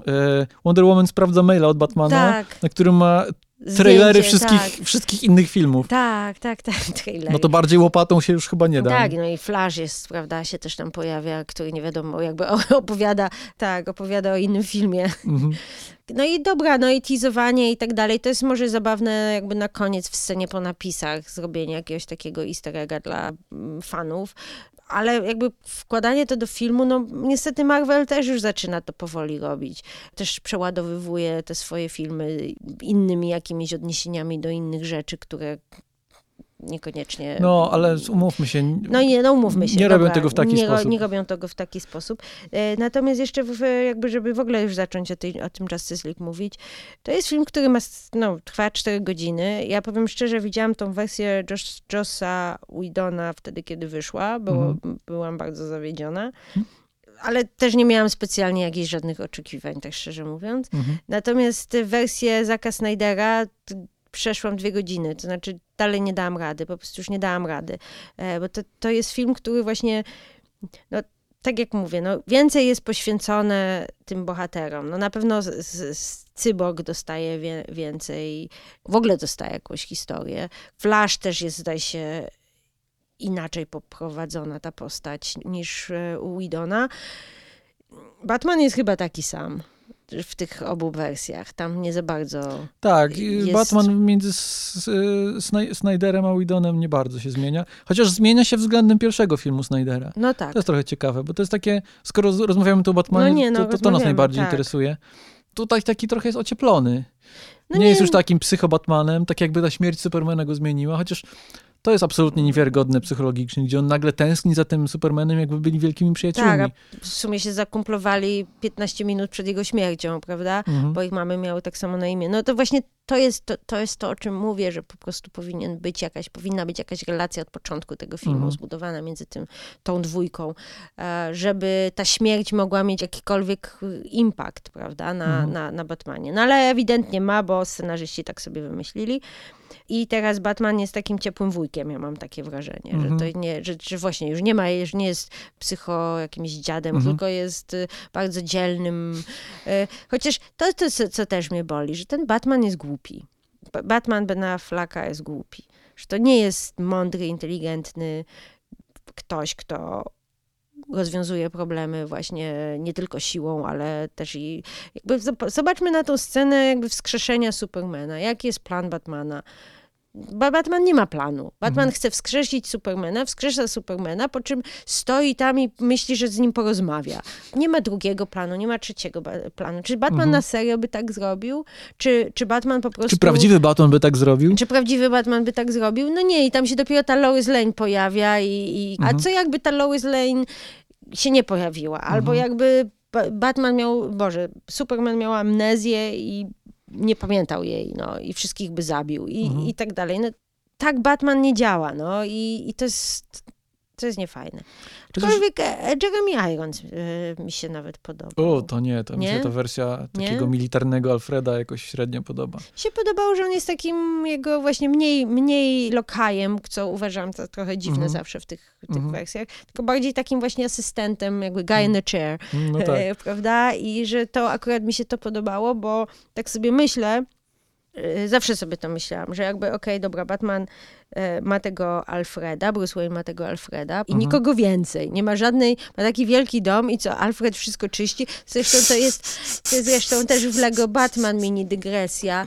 Jest taki dowcip, że Batman wraca e, na, z tej pierwszej swojej misji na Mhm. początku filmu i pyta się, gdzie jest, gdzie jest Alfred? Alfred czyści kafelki w 15 łazience na 15 piętrze, czy coś. No tak, ale tu mi się podoba to, że jakby ta koncepcja mi się podobała, że to jest ktoś, kto jest rzeczywiście pomocny, asystentem powiedzmy bardziej, a nie jego lokajem, no, że herbatę to mu może podać byle kto. No to już jest to, co ja zasygnalizowałem wcześniej. To- chyba po raz pierwszy dopiero Mhm. Snydera możemy zobaczyć, chociaż było to też w Lego Batmanie, było w animacjach i tak dalej, ale mówię o dużym ekranie i filmach aktorskich. Czyli Batman na tle innych superbohaterów. Mhm. Tak jak w, Bat- w Lego Batmanie on jest tym aspołecznym e, odludkiem, to tutaj Batman jest jakby tym człowiekiem, tym Tak. jakby naszym naszym człowiekiem wśród bogów. No on jest tym tak. klejem tej drużyny, który jakby próbuje ich zabić, trochę takim Tonym Starkiem w pewnym sensie, który jakby daje zaplecze technologiczno-finansowe. Tak. Trochę takim kimś, kto jakby w zasadzie jest reprezentantem ludzi po prostu. Tak. Trochę jest też takim jakby kustoszem superbohaterskiego muzeum, Mhm. e, który musi skomponować tę drużynę bogów i to jest okej, jest to jakiś pomysł. To się broni w, w tym takim mitologicznym tonie Zaka Snydera, bo to jest może ciekawe, chociaż nie do końca zgłębione przez Zaka Snydera, ale to jest coś, co zauważyłem oglądając właśnie Snyderowską wersję w opozycji do, do Widona, bo ta tonacja e, Mhm. różni te filmy i między innymi dlatego wydaje mi się, że wersja Snydera jest lepsza, że ten ton Snydera jest dużo bardziej konsekwentny, dużo bardziej paradoksalnie, bo, bo Batman v Superman jest filmem zupełnie jakby niewypośrodkowanym Mhm. i jakby uderzającym we wszystkie kierunki naraz niemalże, a wersja z- Wedona jeszcze bardziej, to ta Liga Sprawiedliwości Zaka Snydera jest całkiem skupiona. Tak jak To jest prawda, tak tak. jak Whedon ewidentnie chciał pójść bliżej Avengers, e, bliżej Marvela, bliżej kina nowej przygody. To już widać po samej tonacji kolorystycznej, która jest taka ocieplona. tak. Po tym, że on tam wrzuca różne jakieś żarciki między bohaterami, jakieś takie dziwne, niezręczne, To jest bardzo niezręczne, to bardzo niezręczne. Jest taki też dziwny motyw takiego niby romansu między Bruce'em Wayne'em a Wonder Woman. Tak, to w ogóle nie działa. Natomiast Zack Snyder z tą swoją taką śmiertelną powagą i tym takim nastoletnim poczuciem, że musi padać deszcz i musi być ciemno i tak dalej, paradoksalnie broni się dużo lepiej, bo ja dopiero, dopiero w tym filmie poczułem, o co mu chodzi. To mi się trochę klei z tym Mhm. Excaliburem, do którego on odwoływał Tak. się w poprzednim filmie, że to, to jest opera, to jest, Tak. to jest mit, to jest film o bogach po prostu. To jest Wagner. Mhm. No, no okej, no. I Ja sobie przypomniałam tą scenę, jak pierwszy raz widzimy Aquamana i on się rozbiera i wchodzi do wody i zostawia sweter i jakaś pani śpie, śpiewające kobiety tam są na, na, na brzegu i jedna pani wącha jego sweter i który pewnie pachnie rybami. Ale to jest też coś, co pogrąża ten film, bo w Tak. tym filmie jest bardzo dużo takich po prostu winietek, obrazków, gdzie to jest to, o czym wcześniej mówiłem, że Tak. Snydera interesuje przede wszystkim estetyka i on jakby, wydaje mi się, że on nie rozumie tego, co idzie za tą estetyką Mhm. czasem, że on niechcący takie niemalże faszystowskie obrazy e, komponuje. no, bardzo trochę, tak Riefenstahlowsko ten film No, miejscami uderza, to się z tym Wagnerem tak. też rymuje. Tak, tak, tak. Ale to jest coś, co opóźnia ten film. I tak mamy ładne kadry Aquamena, który ratuje jakiś kuter e, w, No w tak. kroplach wody tańczących na ekranie. Tak, to jest w ogóle scena bez, bez sensu, tak, to prawda, gdzie też potem Aquaman zrzuca kolejną koszulkę i tak sobie myślisz, czy on ma jakąś szafę pełną koszulek. Dosyć jestem zainteresowana w garderobie e, Jasona Manmory, nie powiem. To na marginesie. W każdym razie e, mam wrażenie, że ten film, mimo tych swoich czterech godzin, nie udaje mu się jakby zbudować jakieś prawdziwe, żywe postacie Mhm. prawda? Że to są jednak gdzieś tam jakieś takie klisze i jednak te łuki narracyjne też są takie sobie, no. Że nie ma jakiegoś takiego kleju, który skleja tą fabułę, nie ma, nie ma tych osobistych konfliktów między bohaterami też.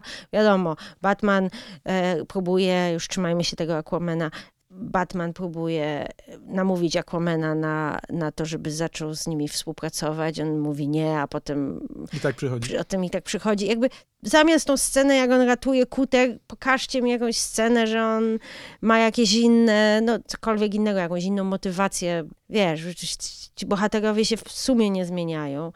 I to jest przykre, no, bo to tak jakby, mam wrażenie, tak jakby Zack Snyder nie rozumiał, na czym polega film, no. Mhm. No bo przynajmniej Joss Whedon, nie wiem, no, chociaż nie wiem, nie. No, u Jossa Whedona jest przede wszystkim ten problem, że widzisz, jak to, to co wprowadza Whedon, gryzie się z tym, co, co zrobił Snyder Tak. i jakby za duża jest ta luka, że to Mhm. jest po prostu konflikt Dwóch, nie do przezwyciężenia przez ten film. To jest jak Batman kontra Superman. O, to powinien być Joss film, Whedon jest tak. powiedzmy Supermanem, a Zack Snyder jest powiedzmy Batmanem. No. I po prostu to jest prawdziwy No. konflikt. Tak. No to może na zakończenie, bo nie chcę kończyć na smutnym mm, akcencie smutnego filmu, który jest smutny i który mi się nie podobał. Może porozmawiajmy, które są nasze ulubione filmy o Batmanie, ze wszystkich filmów o Batmanie. A jesteś w stanie wybrać jeden? Yy, Bo ja nie. haha. No To czy- dobra, to daj trójkę. Chociaż teraz zaczynam myśleć, nie wiem, ale dobra, tak trójka z biegu. Mhm. To w, w, w, trójce ulubionych filmów o Batmanie moich byłby, no okej, niech będzie Batman, Maska Batmana, Mhm. już go tam chwaliliśmy. Tak. Powrót Batmana, Tima Bartona i Mroczny Rycerz. Oho.